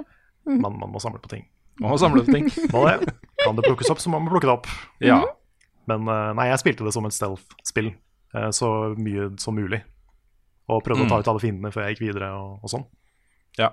Fordi jeg, jeg ville være litt completionist. Jeg var langt ifra å faktisk complete det. For det er veldig mye skjulte ting overalt som er vanskelig yep. å finne. Ja. Det var til og med en veldig flott scene som jeg ikke fikk, som Rune sendte meg etterpå. Mm. Så det er, det er til og med noen optional scener som er verdt å få med seg her. Ja, som blir trigga da, av at du finner, eh, finner forskjellige steder. Det mm. ja, den scenen, den scenen også, den snakker jeg litt om i anmeldelsen min, eh, og skal snakke litt mer om den uh, senere. Men eh, jeg velger å ikke si akkurat hva den er her, ja, i tilfelle folk liksom For vi har vært så flinke til å holde oss unna, spoiler, unna spoilere. Jeg, det er sånn grensetilfelle-spoiler, egentlig, fordi det er en det er optional scene. Men den er så åpenbar for meg å snakke om i NRK-sammenheng. da Det er en sånn type scene som er viktig for meg å Eller som jeg kan henge The Last of Us 2-knaggen på, ikke sant? Eller som en knagg da, til å henge The Last of Us eh, 2 på. Hvor, eh, hvor jeg med utgangspunkt i det kan si ganske mye om spillet. Så jeg kan jo nevne at jeg skal jo på Filmpolitiet på søndag for å snakke om uh, dette spillet her. Uh, og uh, Nyhetsmorgen en gang til uka for å snakke mer om det. Um, og det er eh, jeg, jeg gleder meg, altså. Det blir uh, gøy å liksom snakke med folk om dette her. Det er så kult at NRK bruker det såpass mye. Det jeg, ja, det er eh, veldig ålreit, altså. Og så er det så bra at liksom NRK har deg til å skrive om det på nrk.no. Med svært forsideoppslag, liksom. Ja. Det, det digger jeg, ass. Og det er så sånn Det spillet er interessant for folk som ikke spiller også. Jeg tror det, da. Jeg Mm. syns jo det.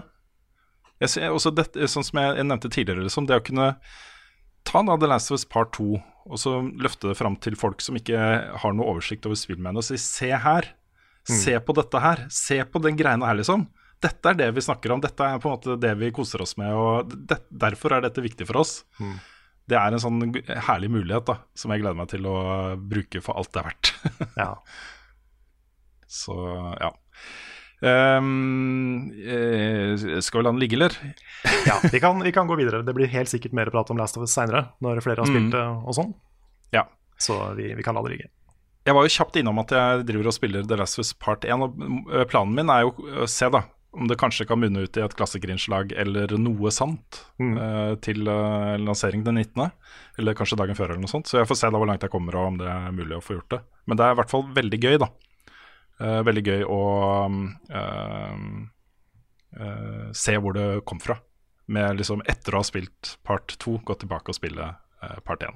Og så har jeg da også kasta meg ut i Det har kommet en ny sesong av Destiny 2, eh, Season of the Arrival. Og jeg hadde egentlig Jeg var ikke helt sikker på om jeg kom til å gjøre det.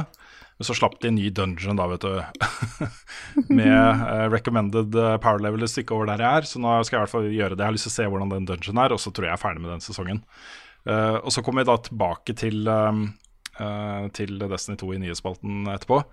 Um, men jeg, har, jeg har fått et spørsmål fra Vegard Orlando som jeg tenkte å ta opp uh, i denne sammenhengen. Og spørsmålet er um, Hva er tankene dine om Destiny framover? Og har du fått noe inntrykk av den nye sesongen? Har du troa på at Destiny kan reise seg igjen når de skifter ut planeter og The Darkness-historien utvikler seg?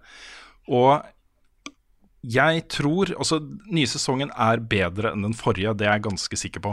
Det er mindre grind uh, og lettere og mer, mer uh, givende grind. Hvor du kan nå liksom tune disse engrammene, nye engrammene til ting du har lyst på, og dermed lettere kunne liksom chase and roll på et våpen du er på jakt etter, eller noen sånne ting. Og så kommer det da forhåpentligvis ikke flere sånne, som du må makse ut på samme måte som de to forrige sesongene. Eh, Så den biten er lettere. Du kan velge mer hvilke aktiviteter du vil gjøre questene dine i. Eh, Du har ofte da valget mellom Crucible eller Gambit eller Strikes og sånne ting, og det er kjempebra. Men det er liksom først og fremst da den nye, eh, nye dungeon som er kjøttet her, liksom. Så eh, jeg kommer til å gå etter den. Kommer til å fokusere på den. Eh, og så får vi se, da. Jeg tror ikke jeg kommer til å spille så mye mer etter det. Men eh, vi får se. Men de hadde jo da en, en sånn pressekonferanse som jeg kommer tilbake til seinere. og den fortalte jo historien om hvorfor det har vært sånn.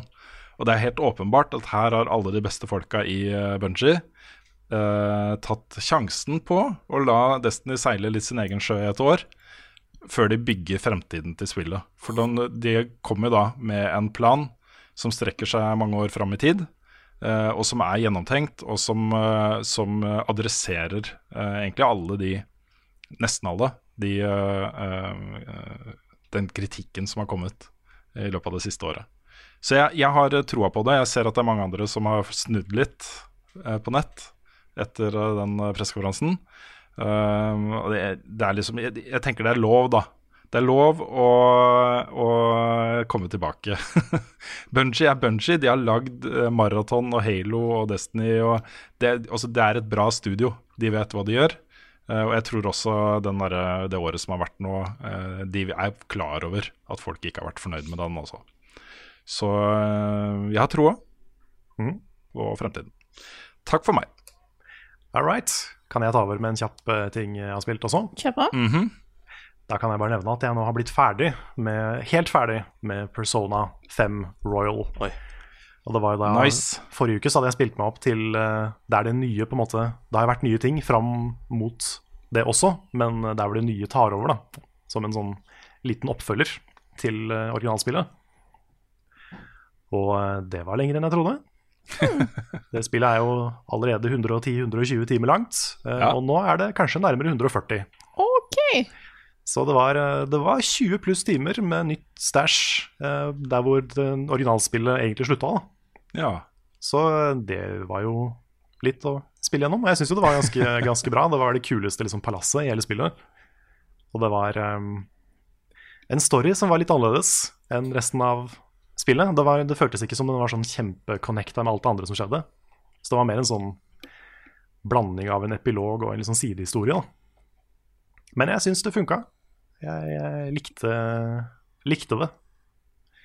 Jeg syns det er litt rart at de på en måte bare har lagt det inn på slutten der som en sånn attpåklats. Um, som er en sånn minihistorie rett etter den. Altså det, det føles som en sånn kortfilm etter en lang film, på en måte. Mm.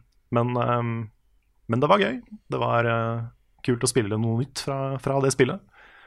Og uh, jeg syns liksom det var nok nytt i hele spillet til at det var verdt å spille på nytt. Det kommer jo veldig an på hvor glad man er i Persona 5, om man har lyst til å kjøpe det på nytt for å, for å spille det igjen med nye ting. Men, uh, men jeg, synes, jeg koste meg med det. Og det var jo mange Nice. timer, så det at jeg koste meg med det i så mange timer, det er også et kvalitetstegn. Definitivt. For andre gang. For andre gang, ikke minst. Ja. Så Mm. det um, Kjapt og greit, det var meg. Da kan jeg eh, gjerne fortsette. Jeg har noe litt kjapt her. Jeg har eh, Den siste uka så har jeg hovedsakelig vært på Stord. Eh, vært på besøk hos familien. Veldig koselig. Så jeg har ikke spilt så veldig mye. Men jeg vil ta opp en ting. Jeg hadde nemlig en blast from the past. Og tatt opp med familien, da, partyspill på Wii. Ja. Oi, Og da det er er- blast from the past. Da er Blast from the Past, og det er veldig interessant, for da var Wii plutselig Så fikk jo veldig mange husholdninger en konsoll, en spillkonsoll, som skulle være litt for alle. Og du har jo en del gode partyspill, det er ikke det jeg sier. Vi endte opp med å ikke ta Wii Sport, eh, men den har det blitt mye av tidligere år. Men vi begynte med det som familien min kaller tivolispillet. Og dette er et spill som heter Carnival, tror jeg. Eh, og det er da eh, Alt skal gjøres med Wii-moten. For da er da jeg innsett er en trend med alle disse Wii Party-spillene. Du skal gjøre alt med den Wii-moten.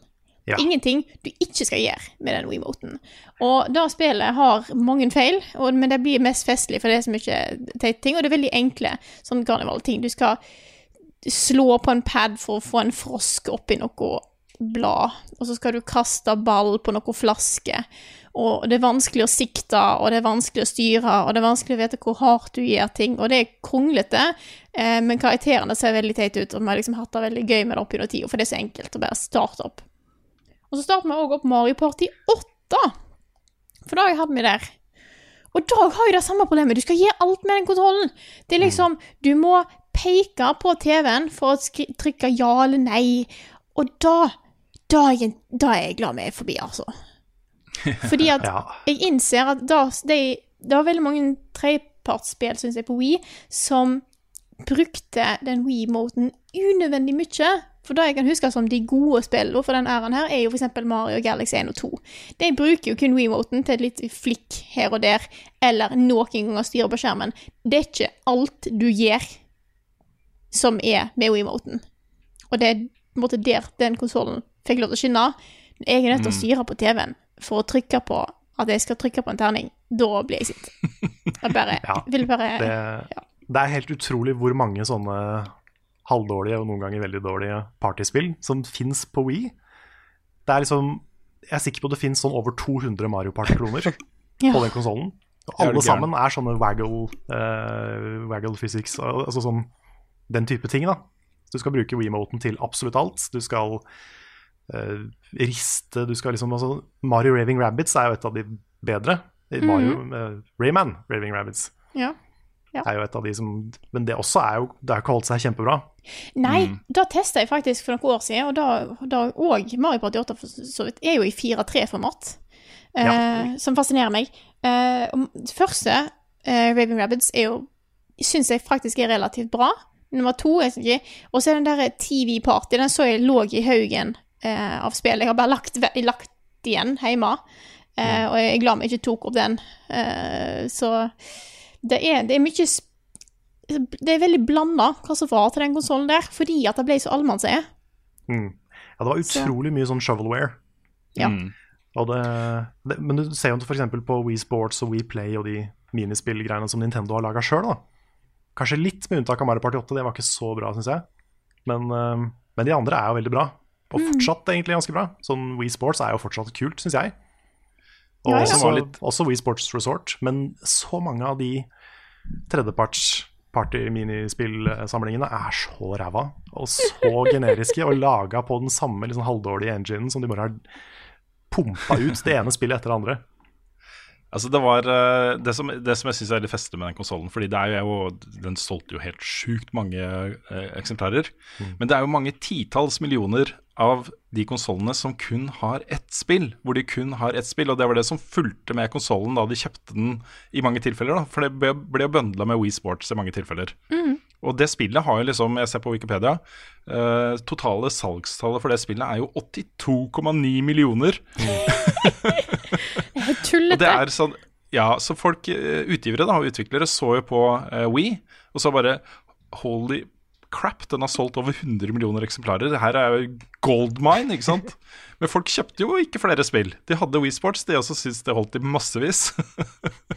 så derfor så er det jo utrolig mye sånn shovelware og ting som ikke ble solgt i det hele tatt. Selv bra ting. eh, Skikkelig bra ting som ble laga for Wii. Um, med utgangspunkt i at her er det jo publikummet kjempesvært, og de er superklare for mer. Og det var det jo ikke, da. Det var liksom bare Nintendos egne ting da som solgte skikkelig godt på denne konsollen. Husker dere We Dare? Nei. Nei. Det er noe av det Det er sånn jeg klarer fortsatt ikke helt å tro på at det er sant. Men det er da Ubisoft som lagde uh, et spill for swingers. Wow. Så, hvor det var minispill med litt sånne erotiske undertoner, og av og til mer enn bare undertoner. wow. Eh, hvor det var da meningen at liksom par skulle spille sammen og liksom ha litt sånne liksom flørtende stemning, og de skulle holde liksom Wiimoten oppi trynet og skulle liksom, altså, Hot. Det var, Ja. høres hot ut. Ja, altså, søk på WeDare. Altså ikke WII, men WE. Eh, Jeg vet ikke hvorfor ikke de brukte We. Eh, Kanskje ikke, de, kanskje ikke de fikk lov i et sånt spill, jeg vet ikke. Men, eh, men søk på det på YouTube, for den traileren er helt legendarisk. Spillet er visstnok litt tammere enn, det får, enn den traileren får det til å virke som. da. Okay. Men det kom bare ut, tror jeg, i Storbritannia og et par andre steder. Sært. Så, eh, men jeg husker da den traileren kom, jeg bare what the fuck, hva er det her for noe? Utrolig kleint. Det er veldig morsomt. Det er liksom, jeg er jo ikke egentlig imot at swingers skal få lov å ha et spill, det er ikke det. Men, Nei, nei, nei, men det, er bare, det, det er så utrolig kleint. Mm. Så bare se den traileren, den er helt magisk. Og så har jeg selvfølgelig spilt Crossing, så jeg bare tar Ja. Ja, kan jeg jeg skyte ut kan der? jeg- det Ja.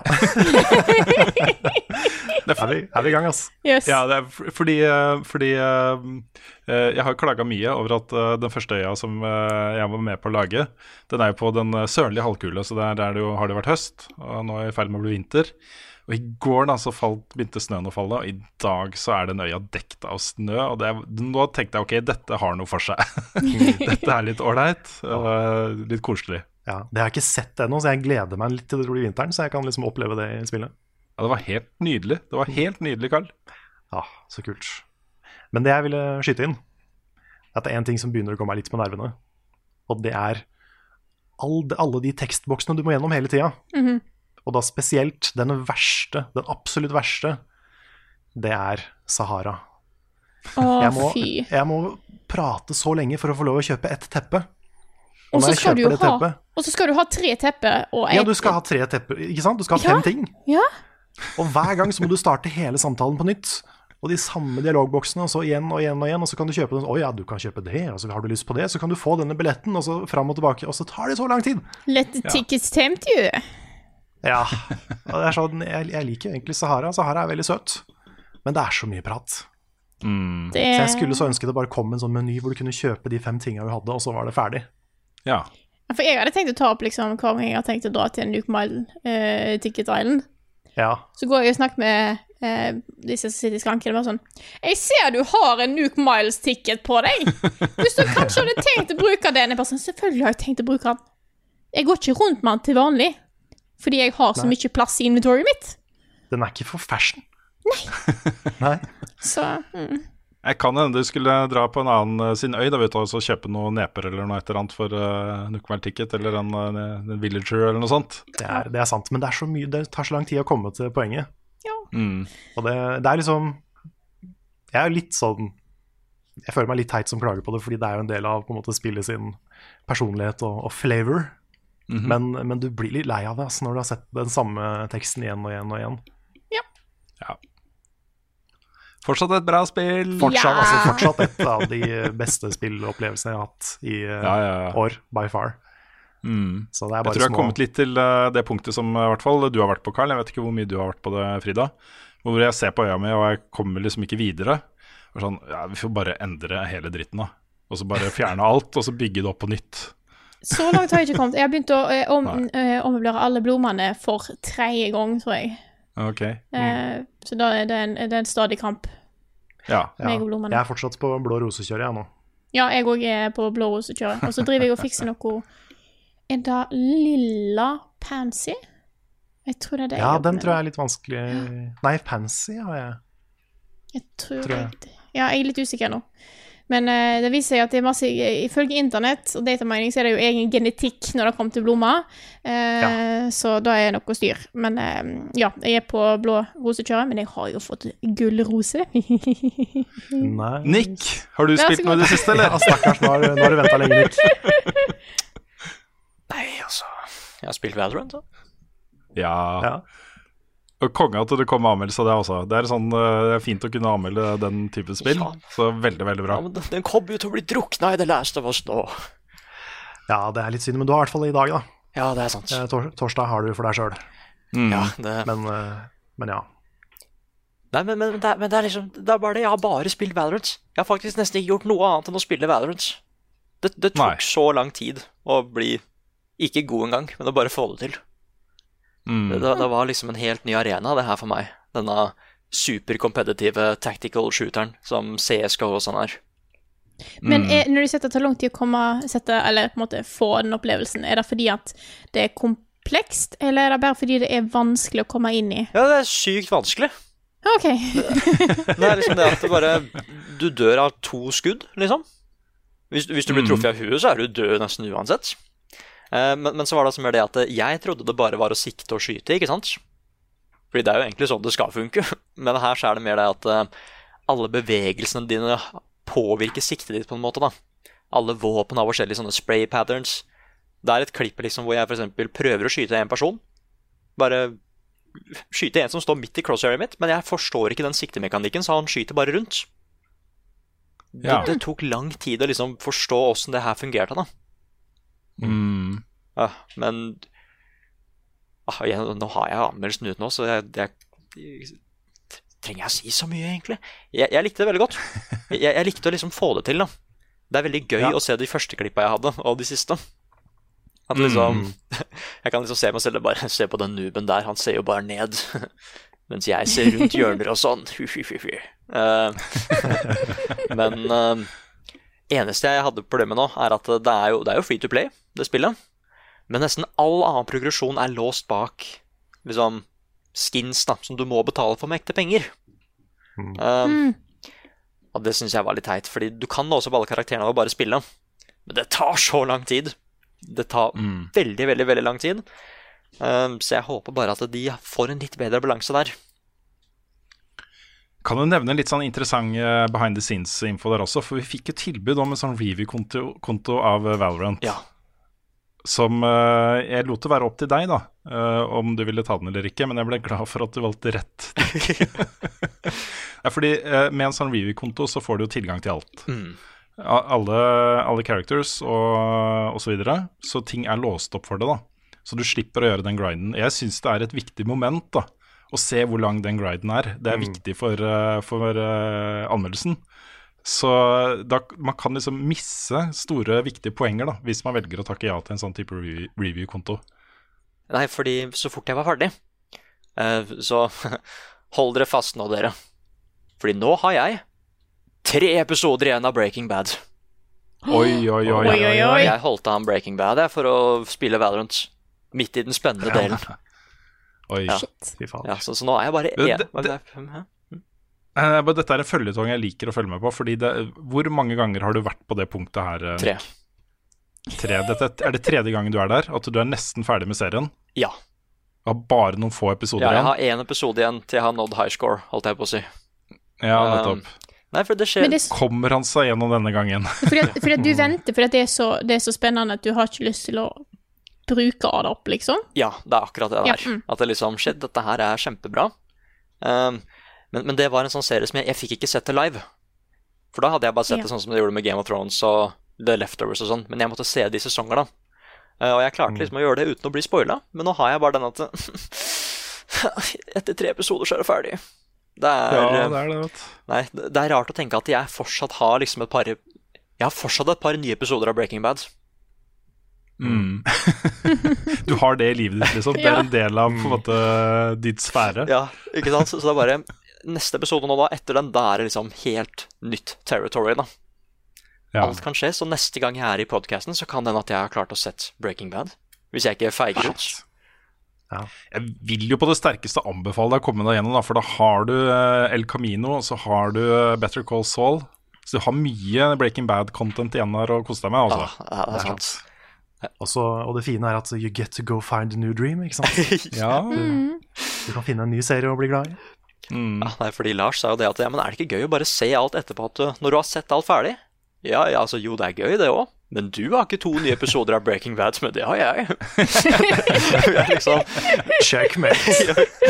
Nei, så det er eh, ah, det, det er så dritspennende nå, og det var liksom ekstra irriterende av og til når jeg spiller Valorant og bare Å, nå har jeg lyst til å se på Breaking Bad. Det var et eller annet med en bok eller et eller annet sånt, så bare Å, dette er så spennende! Eh, men, eh, men nå som jeg er ferdig med Valorant, så kan jeg både fullføre Final Fantasy òg, det har jeg heller ikke gjort. Jeg er på slutten der, jeg. Men mest av alt Breaking Bad. Det har vært min korona enjoy, har vært altså. min koronaserie, så nå må jeg finish the job once and for all.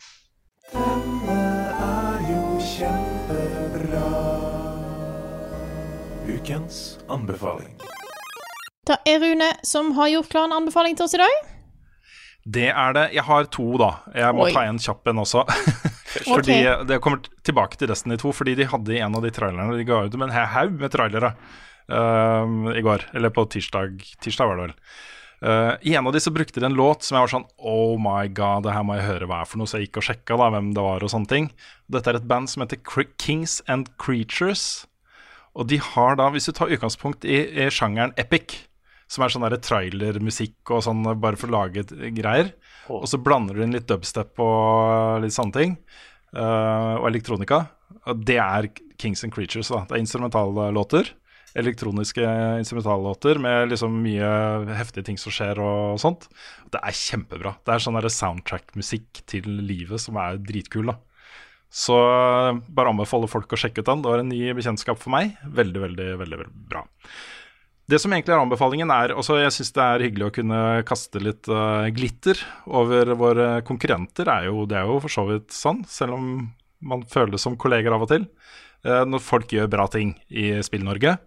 Og jeg har lyst til å anbefale podkasten Spillrevyen. Som jo er prosjektet til Jon Cato og Lars Rikard.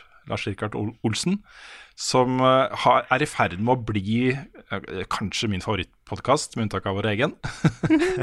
Eh, den, også, den, har blitt skikkelig skikkelig bra. Og Jeg husker Da de starta så var jeg litt sånn hm, Hva er dette for noe? Fordi de starta liksom å si at uh, alle disse podkastene og spillgreiene som snakker om spill, er liksom, de er helt like hverandre, og de snakker om de samme tingene, og det er, det er, det er kjedelig, liksom. Og så var første episoden var Det kunne vært nyhetsspalten vår i podkasten. Det var helt likt. Det var akkurat, Vi snakka om spill på akkurat samme måte. Men så har de gjort et grep, og da jeg må bare gi eh, masse masse kudos til eh, Lars Rikard, som har, føler jeg, da, siste par årene virkelig løfta seg. Han var jo en litt sånn derre character i Lolbua. Hvor eh, han ble litt definert av at når Lars Rikard får i seg litt for mange shots, så kommer liksom de drøye vitsene og, og sånt. Men han er en veldig god journalist, og de intervjuene han gjør og Det, det, det er tingen med Spillrevyen.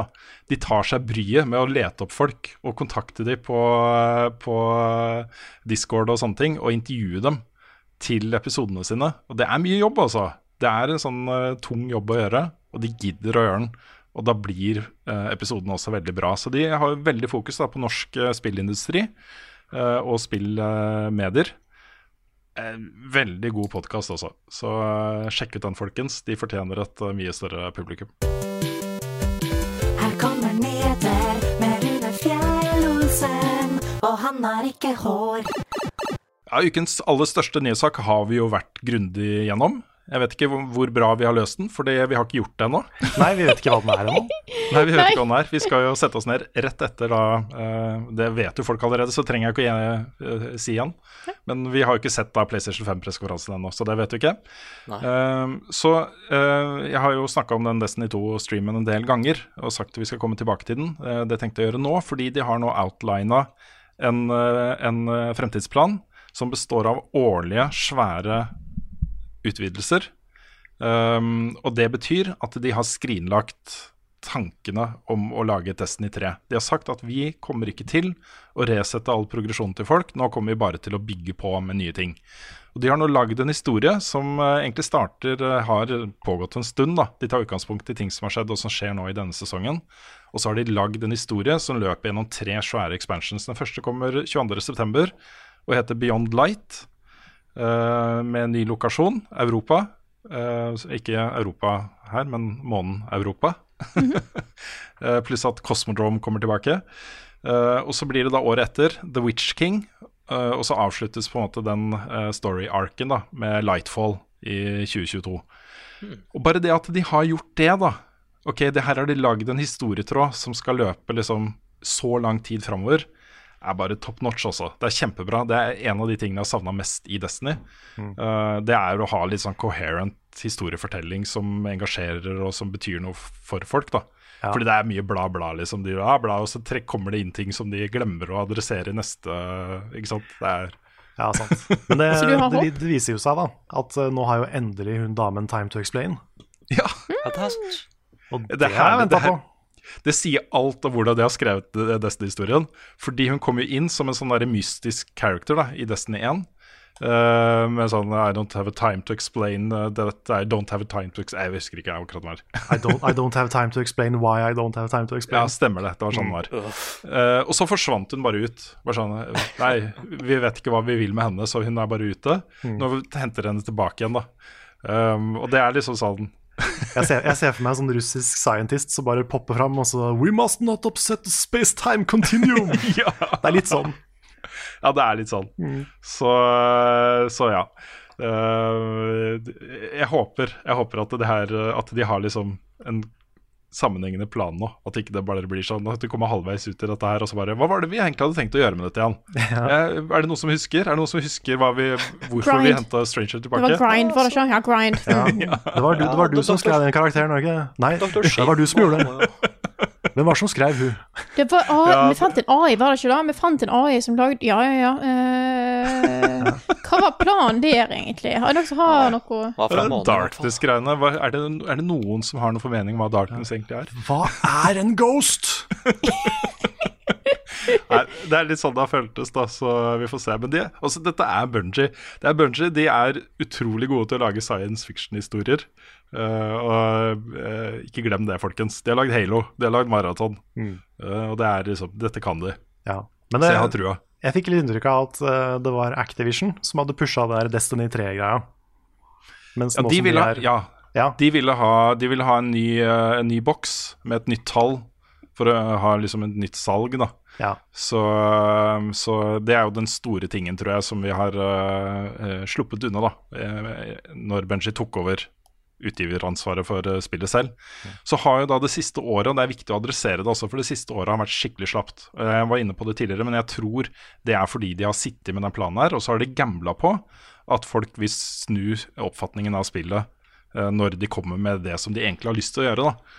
Uh, og det er litt dårlig gjort, det er litt sånn shitty, fordi um, her har folk brukt, brukt penger da, på season pass og på innhold som har vist seg å være ganske halvveis. Eh, og det er liksom Ja, jeg er ikke helt komfortabel med den, altså. Og det er også mitt store usikkerhetsmoment med det som kommer, fordi de har disse tre svære expansionene, som jeg tror kommer til å bli dritbra. Du har Taken King, du har Forsaken, som de derre toppene i nesten i sammenheng. Uh, og disse tror jeg kommer til å bli på det nivået der, da. Men hva gjør de resten av året? Og det eh, De sier at de har lært og bla, bla, bla, men eh, jeg vet ikke. Jeg vet ikke. Eh, For å få til dette, da. Hva Sorry. det du skulle si, Karl? Nei, bare det er så utrolig ups and downs med Destiny. Ja, det er det. Det, det er sånn det virker som annenhver måned, så er folk kjempefornøyd og kjempepissed. Altså, jeg tror jo de spekulerer i det. Jeg tror de spekulerer i det, fordi hvis folk er skikkelig pissed, så har du muligheten til å gjøre dem skikkelig glade. Hvis alt er bare på det jevne bra hele tiden, så er, kjeder folk seg, liksom. Så jeg har en mistanke om at de bevisst spekulerer til den feelingen der, da. Altså, de har en sånn the problem of evil. At Ja, ut, uten, uten ondskap så finnes det ikke godhet. Ja. Ja. Jeg, jeg, jeg tror det har litt med det å gjøre. Ja. Det er litt, øh, det er litt um, uh, risky da, å si det. Fordi det er jo en litt stygg beskyldning. Ja. Men uh, jeg kan på en måte underbygge det med uh, en del timer da, i dette spillet, og erfaring fra sesong til sesong. Men uansett, da, for å få til dette her, for å lage en, et sammenhengende spill, så nå bare vil hete Jeg håper de dropper totallet også, etter hvert. ja, det håper jeg jo, at det bare blir Ja. Destiny igjen. Mm. Uh, de kommer til å arkivere masse innhold. Så for hver uh, hvert fall nye store expansion som kommer, så kommer de til å arkivere uh, lokasjoner og uh, aktiviteter og alt mulig rart inn i det de kaller et hvelv. Og så vil de da hente ting fram fra det hvelvet igjen sånn innimellom. Sikkert for en liten slant penger. Så eh, da vil jo Walter Glass da, for eksempel, og Cosmodrome fra Destiny 1 eh, komme tilbake igjen eh, fra høsten av. Så um, det er positive og negative sider. Jeg er glad for at de rydder opp litt også. At ikke det er 20 forskjellige lokasjoner som du skal gjøre 100 forskjellige aktiviteter på. 90% av det er kjedelig, liksom. Det kan jo ikke fortsette sånn. Så det er, eh, det er bra. Nei, jeg, har, jeg vil bare avslutte med å si at jeg har, jeg har fortsatt tro på Destiny. Og jeg gleder meg til det blir gøy å spille det igjen. For det er et uh, dette, ja, Jeg er glad i Benji. Det kom også en announcement på IGN sin store uh, spillpresskonferanse. IGN har arrangert noen sånn Summer Games et eller annet, hvor uh, det var en del uh, spill som ble vist fram. Bestemmer. Inkludert da et nytt spill fra The Outsiders, utgitt av norske Funcom, som heter Metal Hellsinger. Hell yeah. Hellsinger, som er et uh, Forestill deg Doom, men med et rytmespill, da. Ja. Hvor du gjør ting i rytme med heavy metal-musikk. ja, det er på en måte Cadence of Hyrule, bare i Doom. Ja, og førsteperson og de tingene Ja. der. Det så det- jæklig kult ut, og jeg så at jeg aldri klarer å spille det. Da, det var bare sånn derre no hope, men det ser dritfett ut. Eh, Så eh, jeg, jeg, Vet du hva? Som fan av rytmespillsjangeren så er jeg så glad for at det blir tatt inn i nye settinger. Da gjør meg så Mm. fornøyd. Skal Enig. se. Mm. Det, jeg, jeg tror jeg kommer til liksom Jeg tror jeg hadde fiksa rytmedelen, men jeg er usikker på om jeg klarer å fikse skytedelen.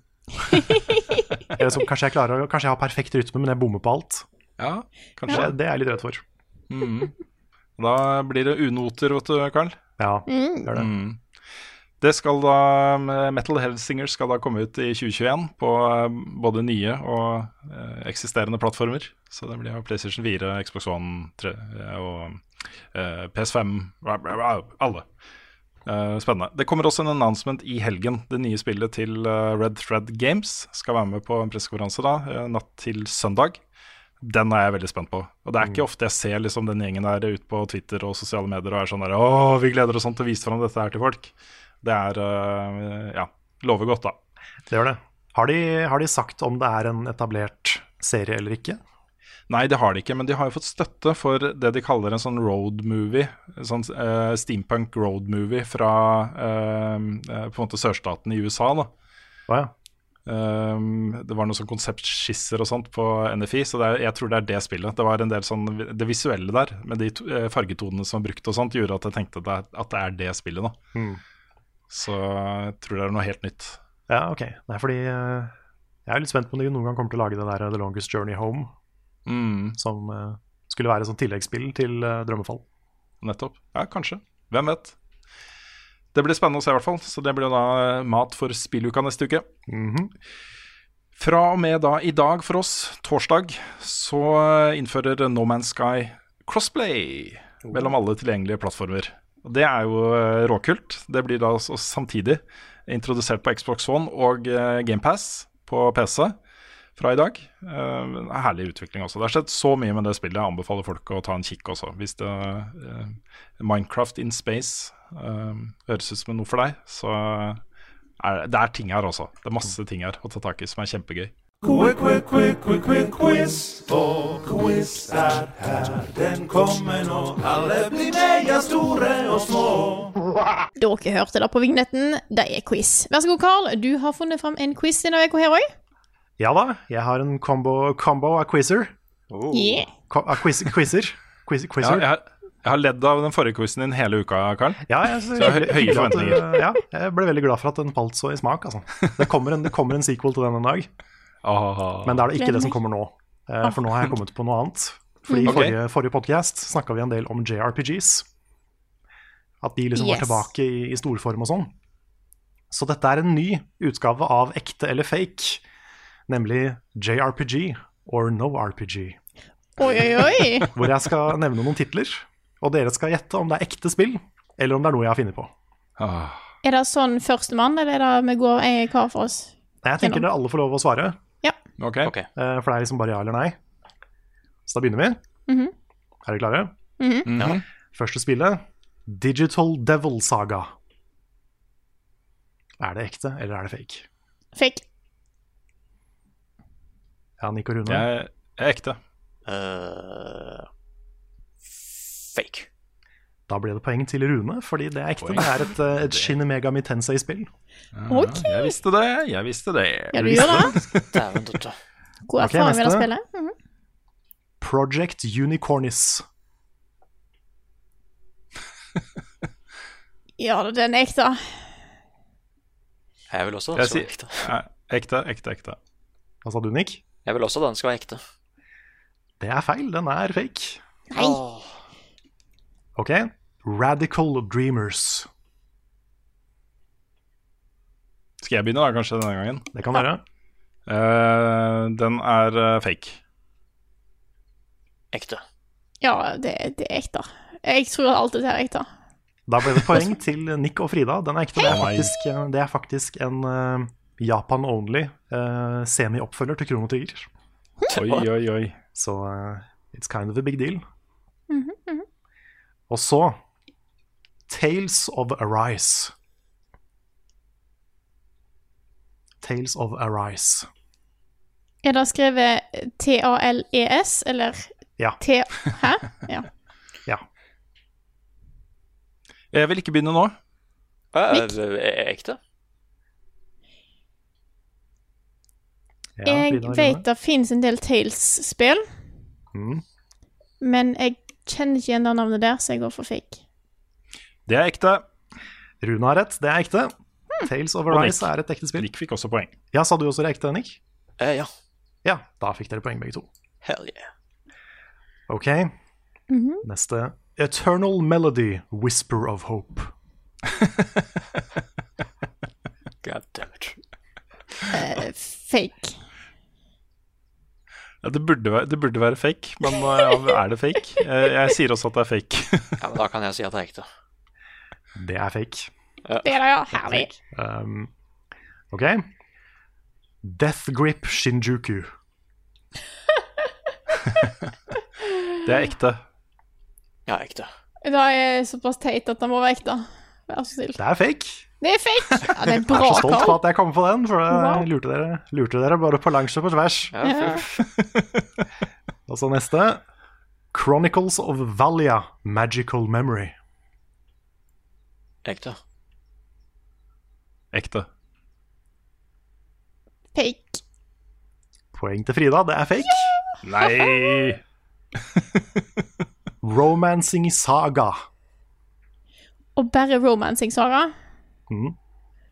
Ekte. Ekte. Jeg tror det, det er for enkelt navn. Jeg går for fake. Det er ekte. Romance ja. Saga er et spill. Og så Ys IX Monstrum Nox.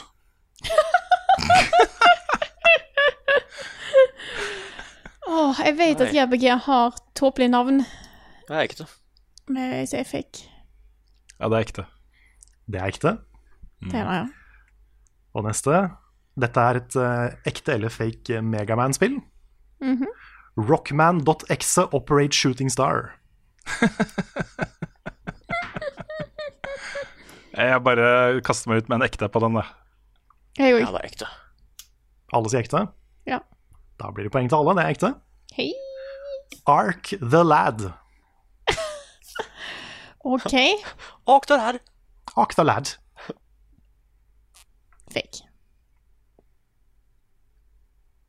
Ja, Nico Rune. Uh, det er ekte.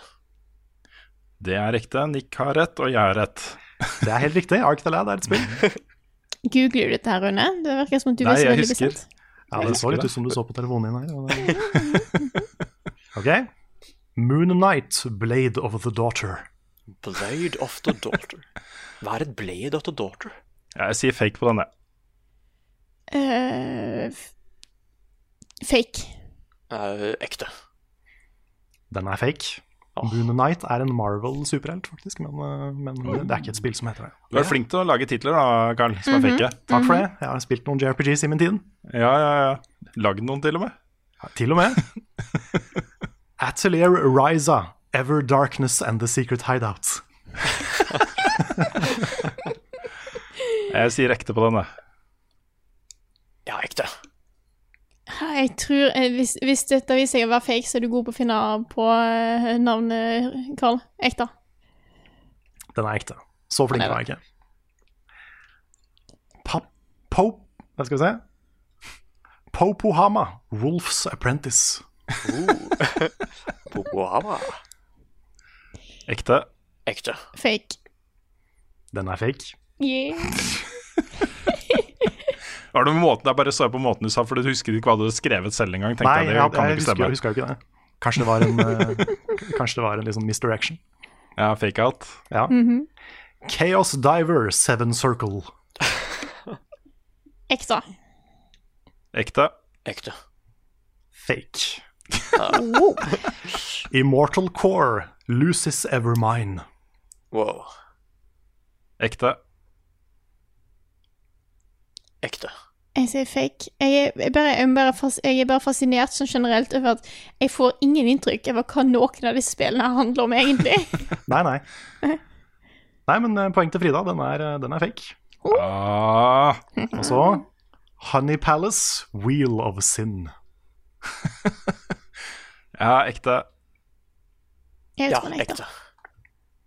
Alle sier ekte? Ja. Ja. Det fins ikke noe spill som heter Honey Palace, Wheel of Sin. That's a shame. That's a shame, skulle gjerne spilt det. Super Neptunia. Ekte. Ekte. Ekte. Den er ekte. Medabots. Medabots. Medabots. Ja, den er fake. Ekte. Ekte. Den er ekte. Jeg har sett serien på Fox Kids. Oi, har du det? Har du det? Jeg tror det. Den derre Jeg kule roboten, om- er ikke det? Jeg vet ikke, jeg har aldri hørt om Medabots. Jeg bare så at det fantes. Å, men skrev jeg, skrev jeg et poeng her? Åh, mm, nei, jeg husker ikke om jeg skrev poeng. Det- Vi, vi kjører på. Vi kjører på. Ok, ok. Cherrytail Blush Meadows. Alltid tail. Den er ekte.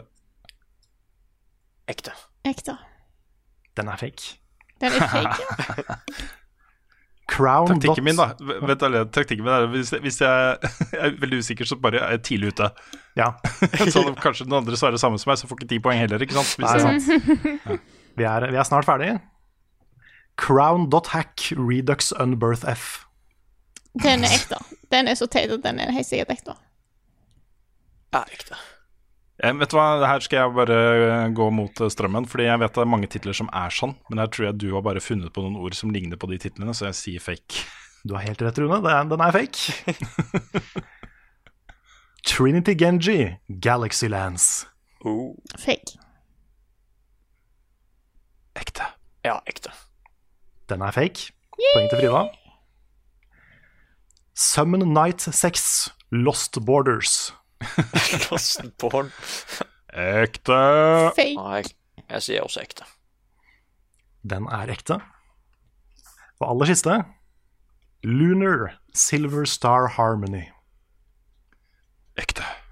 Fake. Fake.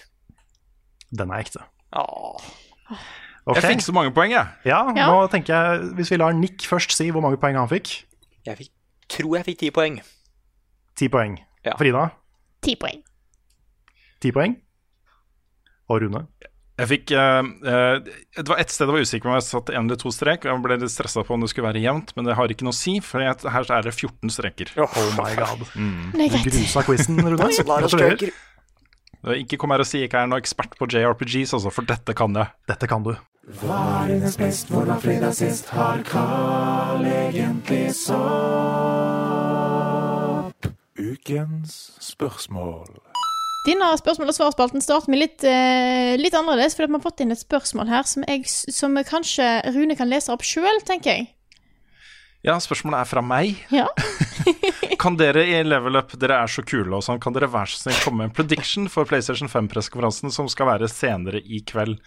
Ja, vi er jo så kule, da. Hils, hilsen Rune. Nei, altså Poenget var det, Jeg bare kom på mens vi drev og babla her tidligere i podkasten, at det har vært litt morsomt da hvis det kommer med noen predictions til noe som skal skje senere i kveld, men som har skjedd allerede, og som vi allerede har snakka om tidligere i podkasten. Ja, litt sånn timey-wimey shenanigans. Ja, Ja. Hvor feil er det mulig å ta, på en måte? så jeg foreslo at vi skulle ta hver vår prediction. da Én prediction hver for hva vi kommer til å se på Sonys uh, pressekonferanse. Og det er ikke lov til å si PlayStation 5. Nei. For det Altså, en prediction hver på hva vi har sett. Ja. På hva vi har sett tidligere. Ja, Ja. ok. Eh, ja. Nick, du har en. Har du lyst til å begynne? Ja, fordi God of War 2 kommer til å dukke opp til dere. Og nå Mhm. banker jeg bordet. Ja, det kommer til å dukke opp, ass. ok. For det er liksom, Hvis du skal liksom introdusere en ny konsoll, ikke sant, og du har Kratos som maskot, Mm. og du har allerede liksom lagd dritbra God of War to år før Altså, come on. Og bare det at du liksom har tittelen er nok, ikke sant? Vi veit jo at det kommer. Mm. Kan like så godt dukke opp her. Så God of War 2. For jeg vil si at når du sier, når du sier Kratos som, som eh, maskot, så vet vi jo alle hvem som er maskoten til Sony det, og PlayStation. Så det kan jo være at det dukker opp NAC 3. Nack 3. Det kan skje. Nack 3 hadde vært gøy, altså. Mac var eh, launch-spill. Ja. Ok, skal jeg ta min? Mhm. Dette er en longshot, men jeg tar den for det, fordi tenk om det stemmer. Det er, jeg har nevnt den før, da, så det er ikke, den er ikke helt ny. Men uh, det kommer til å bli vist et nytt Horizon, og det kommer til å hete Horizon New Dawn. New Dawn. Det var egentlig min prediction også. Jeg tror Horizon blir et launch-spill til PlayStation 5. Ja. Og Det er fordi det er Guerrilla. Også de har vært med på launch flere ganger tidligere. Og de har en, også den der engine de har, er en sånn der showcase for hva som er teknisk mulig og sånt. Det har alltid vært sånn trukket fram da, av mm. Sony. Så jeg, jeg tror også Jeg tror eh, nye, nytt Horizon blir et launch-spill. Men jeg hadde en i bakhånd. Så det var jo flaks. Fordi jeg tror eh, du var, du er inne på noe, Nick, med den der flaggskip og ikoner og, og gallionsfigurer og sånt. Aha. Jeg tror de venter med God of War. Jeg tror den kommer seinere. Jeg tror det de kommer til å vise fram, er Spiderman 2. Oi, oi, oi.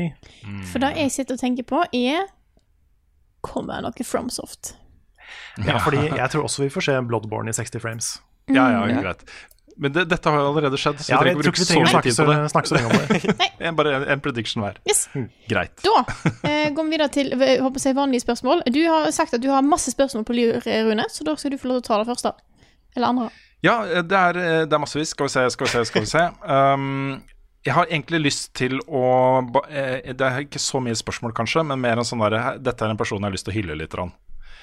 Han heter Mikael Odden, og han er nå i New Game pluss 6 i Sekiro, og har ennå ikke sett i en eneste guide. Wow. Og han prøver å få platinum. Han er på 86, 82% av trofeene og skal finne ut av alt selv. Dette er dedikasjon også, og jeg er ikke i nærheten. Jeg kan lese spørsmålet fordi skal se Hvor mye av Sekiro fant dere ut, eh, fant dere ut av dere selv? Og det, er- jeg er sånn at jeg spilte gjennom Sekiro, fikk slutten, og så gikk jeg rett på guides. Det det er sånn jeg spiller, spiller litt. Da. Jeg vil ha liksom en, eh, en uh, urørt opplevelse først, og så har jeg ingen problem med å bruke guides. Men det er, dette er kudos altså. Dette er uh, dedikasjon. Jeg er helt, helt lik på det. Jeg liker å spille gjennom en gang sjøl, og så bruke guide på Playthrough 2. Mm. Men um, det er litt morsomt, fordi vi fikk jo Sekiro før launch. Så Svendsen og jeg kunne jo ikke sjekke guides. Nei.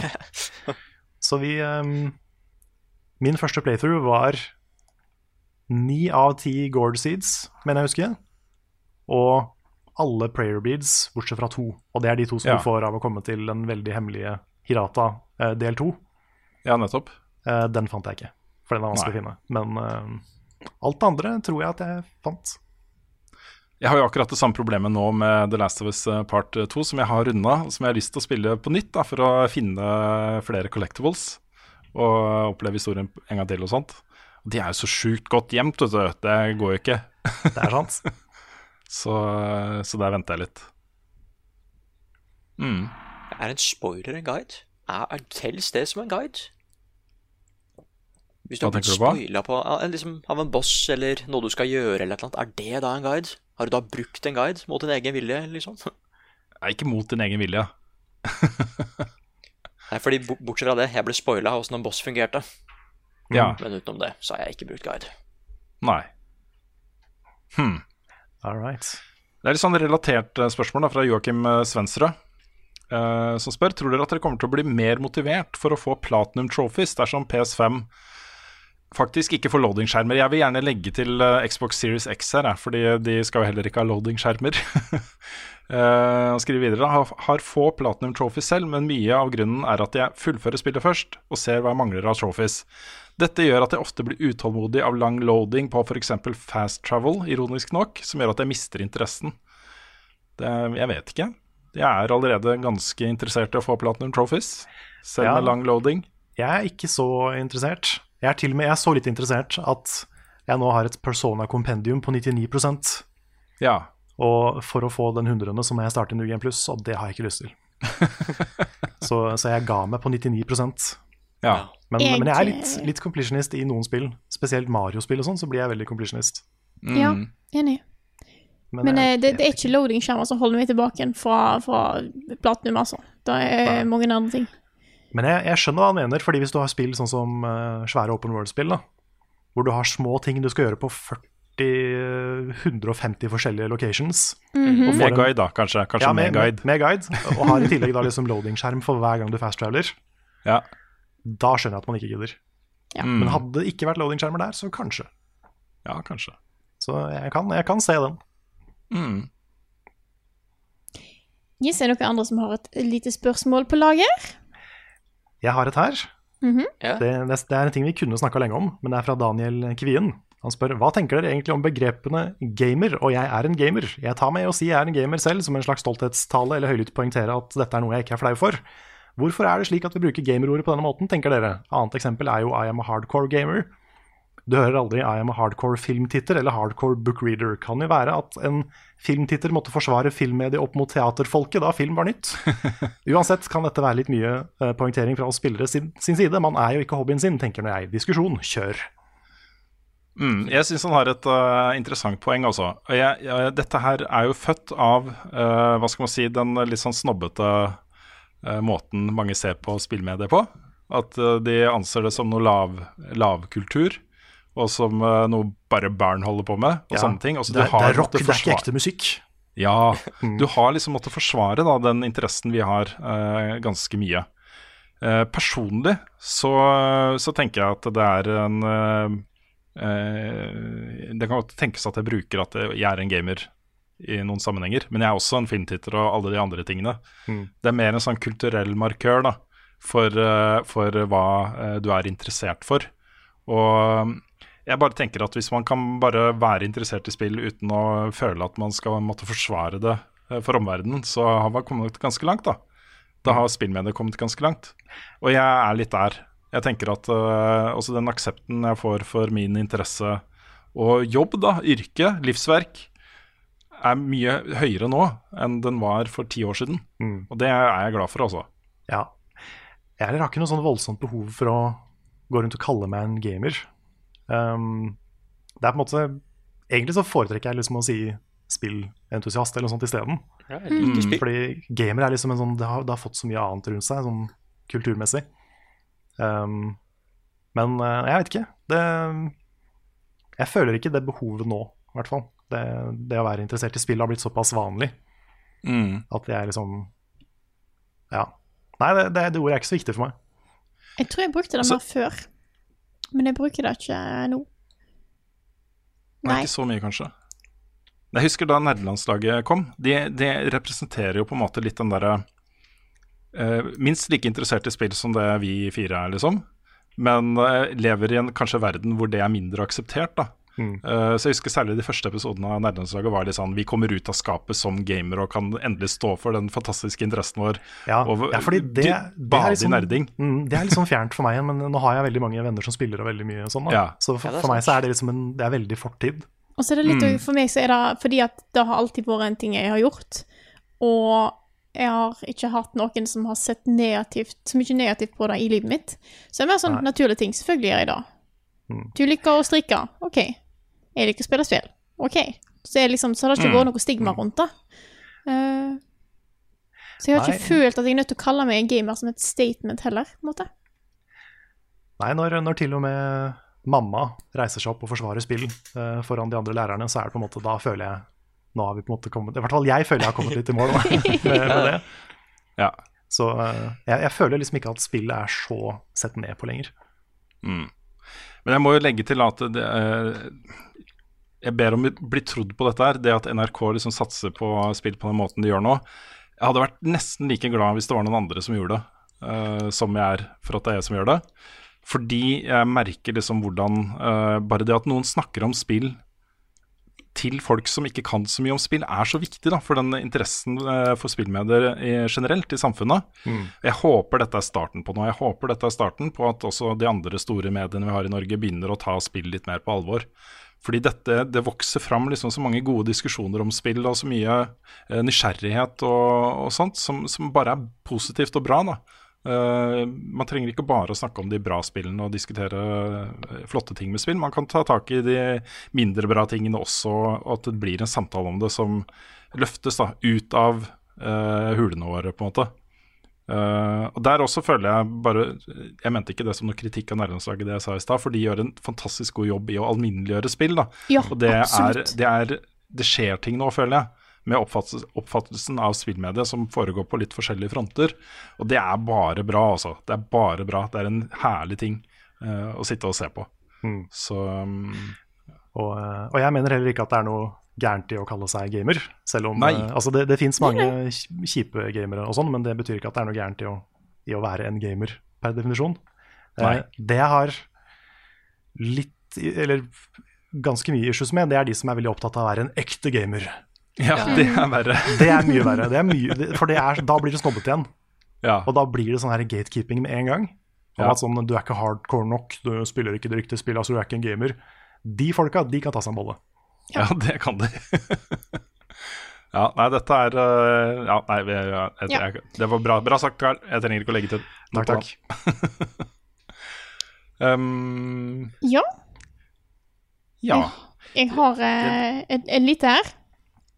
Du kan ta det jeg, jeg, Du kan ta det som siste spørsmål. Jeg bare nevner Det har kommet et spørsmål fra Jon Agnes Renstad. Jeg ser det er flere andre som har spurt oss om dette før uh, også. Eh, Som lurer på hvordan det blir med produksjonen vår i sommer. Det kommer vi tilbake til. Ja. Vi har eh, begynt å legge en plan, og den kommer til å fastsettes. Det skal være produksjon på Level Up-kanalene eh, gjennom hele sommeren. Ja, Eh, det blir sånn nok, utgangspunktet. blir nok litt eh, preproduksjon, sånn at vi eh, har ting gående Ja. mens vi er borte også. Så, Mm. um, pluss at en del eh, bakomfilm og sånn fra tidligere produksjoner kan hende dukker opp for alle. Ja. Mhm. Så det skal skje ting. Men vi tenker at vi lager en litt mer sånn Dette skjer i sommer på Level Up-type greie, da, når det nærmer seg juli. Yes. Mm. Det er en god plan. OK. Er vi da klar for et siste lettbeint spørsmål? Det, ja, ja, ja. Ja, spørsmål fra Christian Laksmark. Han spør vårruller eller pizzasnurrer. Pizzasnurrer. Ja Jeg vel? har Mhm. ikke smakt noe av det. eh, Men Så- pizza er nærmest. Det går jo ikke an å si det, da, fordi du har uh, Også sånn hjemmelagde pizzasnurrer er megagodt. Megagodt. Og noen av de du kan kjøpe ferdig også. Jeg har ikke smakt så mange av dem, da. Men der har jeg hatt liksom blanda opplevelse. Noe av det har vært eh, sånn papp. Det er mest, Mm. mest tørr boller og lite saus og lite kjøtt Ja. og lite ost. Ja. Mm. Ja, det er mange dårlige uh, pizzaer, det er det. Ja. Men det samme gjelder jo pinadø vårruller. Ja. Ja. Fordi jeg har spist noe av det beste maten jeg har spist, har vært vårruller. Og noen av de kjipeste, teiteste, mest meningsløse maten jeg har spist, er vårruller. Så er stor forskjell her. Kona tok med seg Det er et sånt sted på Grünerløkka som eh, selger uh, noen veldig, veldig veldig gode vårruller. da. Så hun uh, tok med et par stykker til meg med sånn peanøttsaus. Som var, det var supergodt. Så der er det liksom helt opplagt. Men jeg har også spist mye dårlige vårruller også. Vårruller er jo en sånn ting som mange asiatiske restauranter bare serverer. Som du bare slenger sammen og et eller annet, og så bare Ikke sant. Fritere litt så og litt, ja, litt susørt eh, saus, og så er du ferdig, på en måte. Um, og det er jo ofte litt dårlig, da. Men eh, det kan være så godt også. Jeg har en Jeg- sånn ting um, Nei, sorry. det er, Jeg har spist mye gode pizzasnurrer. Mamma lager noen fantastisk gode. Men uh, jeg tror altså, Hvis vi setter nivået liksom, beste pizzasnurren jeg har hatt, og beste vårrullen jeg har hatt, så er det vårruller som kommer ut på topp. Og jeg må bare si Ja. jeg har en jæklig god vårrulloppskrift. Og den har du òg, Carl. Ja, jeg mener jeg har lest da, når du sier det. Eh, Den står i boka di. Mm. Ja.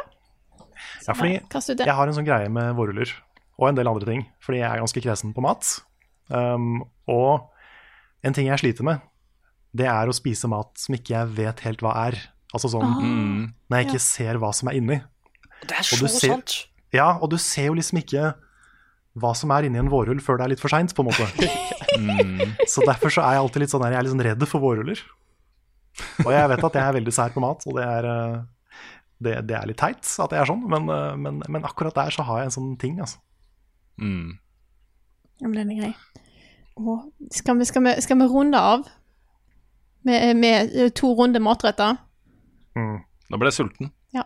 Men nå er, nå er det snart middagstid her for oss, så derfor tenkte jeg skulle Derfor, derfor er det greit.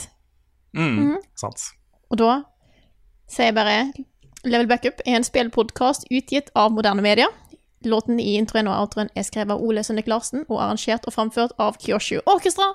Vignettene er lagd av fantastiske Martin Herfjord. Hvis du liker det du hørte her, så har vi masse mer innhold på YouTube-kanalen vår. youtube.com slash levelupnord. Yes. For Norge kommer senere. Nord. Og så har vi Twitch-kanalen vår. Eh, Twitch.tv slash levelupnord. Eh, og hvis du syns at lager er kult, så er det bare å gå og støtte oss på Patreon-kontoen vår, patreon.com slash levelupnorge, med det beløpet du sjøl har lyst til der. Det setter vi ekstremt stor pris på. Tusen takk til alle som ser på, og til alle som bidrar. Og så snakkes vi igjen neste uke.